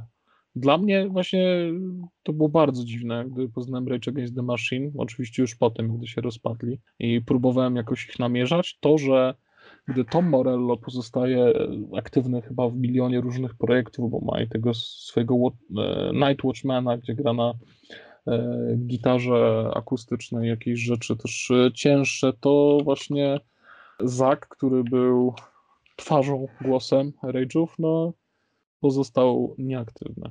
Mhm. Ja, ja jestem fanem dwóch pierwszych płyt Rage Against the Machine i jako takie one realizują moje zapotrzebowanie i na Zaka de la Rocha i na całą resztę członków tego zespołu. Znaczy ja znam dokonania Audioslave i wiem, że Tom Morello robił różne rzeczy po, po tym zespole, ale interesuje mnie tak naprawdę tylko i wyłącznie suma tych talentów, a nie jego poszczególne składowe, to znaczy nie jest mi Mhm. to to jest, to jest absolutnie fenomenalna sekcja rytmiczna, to jest świetny, bardzo, bardzo charakterystyczny wokalista, yy, przepraszam, gitarzysta, no i wreszcie ten wokalista, który, który przyszedł z hardkorowego zespołu i, i stworzył jakiś swój własny wyraz, tak? To znaczy to nie było rapowanie, to nie było skandowanie i to, to, to było coś zupełnie nowego w obrębie muzyki rockowej. I jako takie potrzebny jest mi tylko i wyłącznie Rage Against the Machine i to w zasadzie tylko na dwóch pierwszych płytach, które uważam za absolutnie wybitne. Jestem psychofanem. E, W innym wydaniu nie brakuje mi Zaka de la Rocha, chociaż featuring na, na drugiej płycie the Jewels jest, jest fenomenalny. Close Your Eyes and Count to Fuck. No tak, to, to było świetne. Czy ten talent się marnuje, czy nie, no trudno mi to nawet ocenić, ponieważ y, no, kiedy mam ochotę na ten talent, to sobie po prostu włączam Evil Empire. Okej, Mm. fair enough. Dobra, to wydaje mi się, że dobrnęliśmy w końcu do końca. W końcu do końca. Ha. Doświadczeni podcasterzy dobrze umieją się wypowiadać na żywo i spontanicznie. Wcale nie trzeba będzie tu zrobić miliona cięć, ale to był podcast o zespołach, które być może zmarnowały swój potencjał. Być może Już naszym nie, już, już plotę po prostu. Nie, no, naprawdę mamy trzy godziny na, na zegarku. To co, to, to zostaje nam tylko podziękować wszystkim, którzy dotrwali do końca lub przewinęli sobie do końca i oczywiście piszcie, jakie zespoły zmarnowały potencjał waszym zdaniem i dlaczego. Myślę, że to warto zaznaczyć, a, a nie tylko wpisywać um, samą nazwę. No i słyszymy się niedługo. Dziękujemy. Dziękujemy. Cześć. Looking for truly stunning jewelry this holiday season? Boone & Sons Jewelers is fully stocked with unique gifts they'll love in Chevy Chase, DC, and McLean, and virtual shopping experiences by appointment. Trusted by Washingtonians for over 70 years. BooneandSons.com.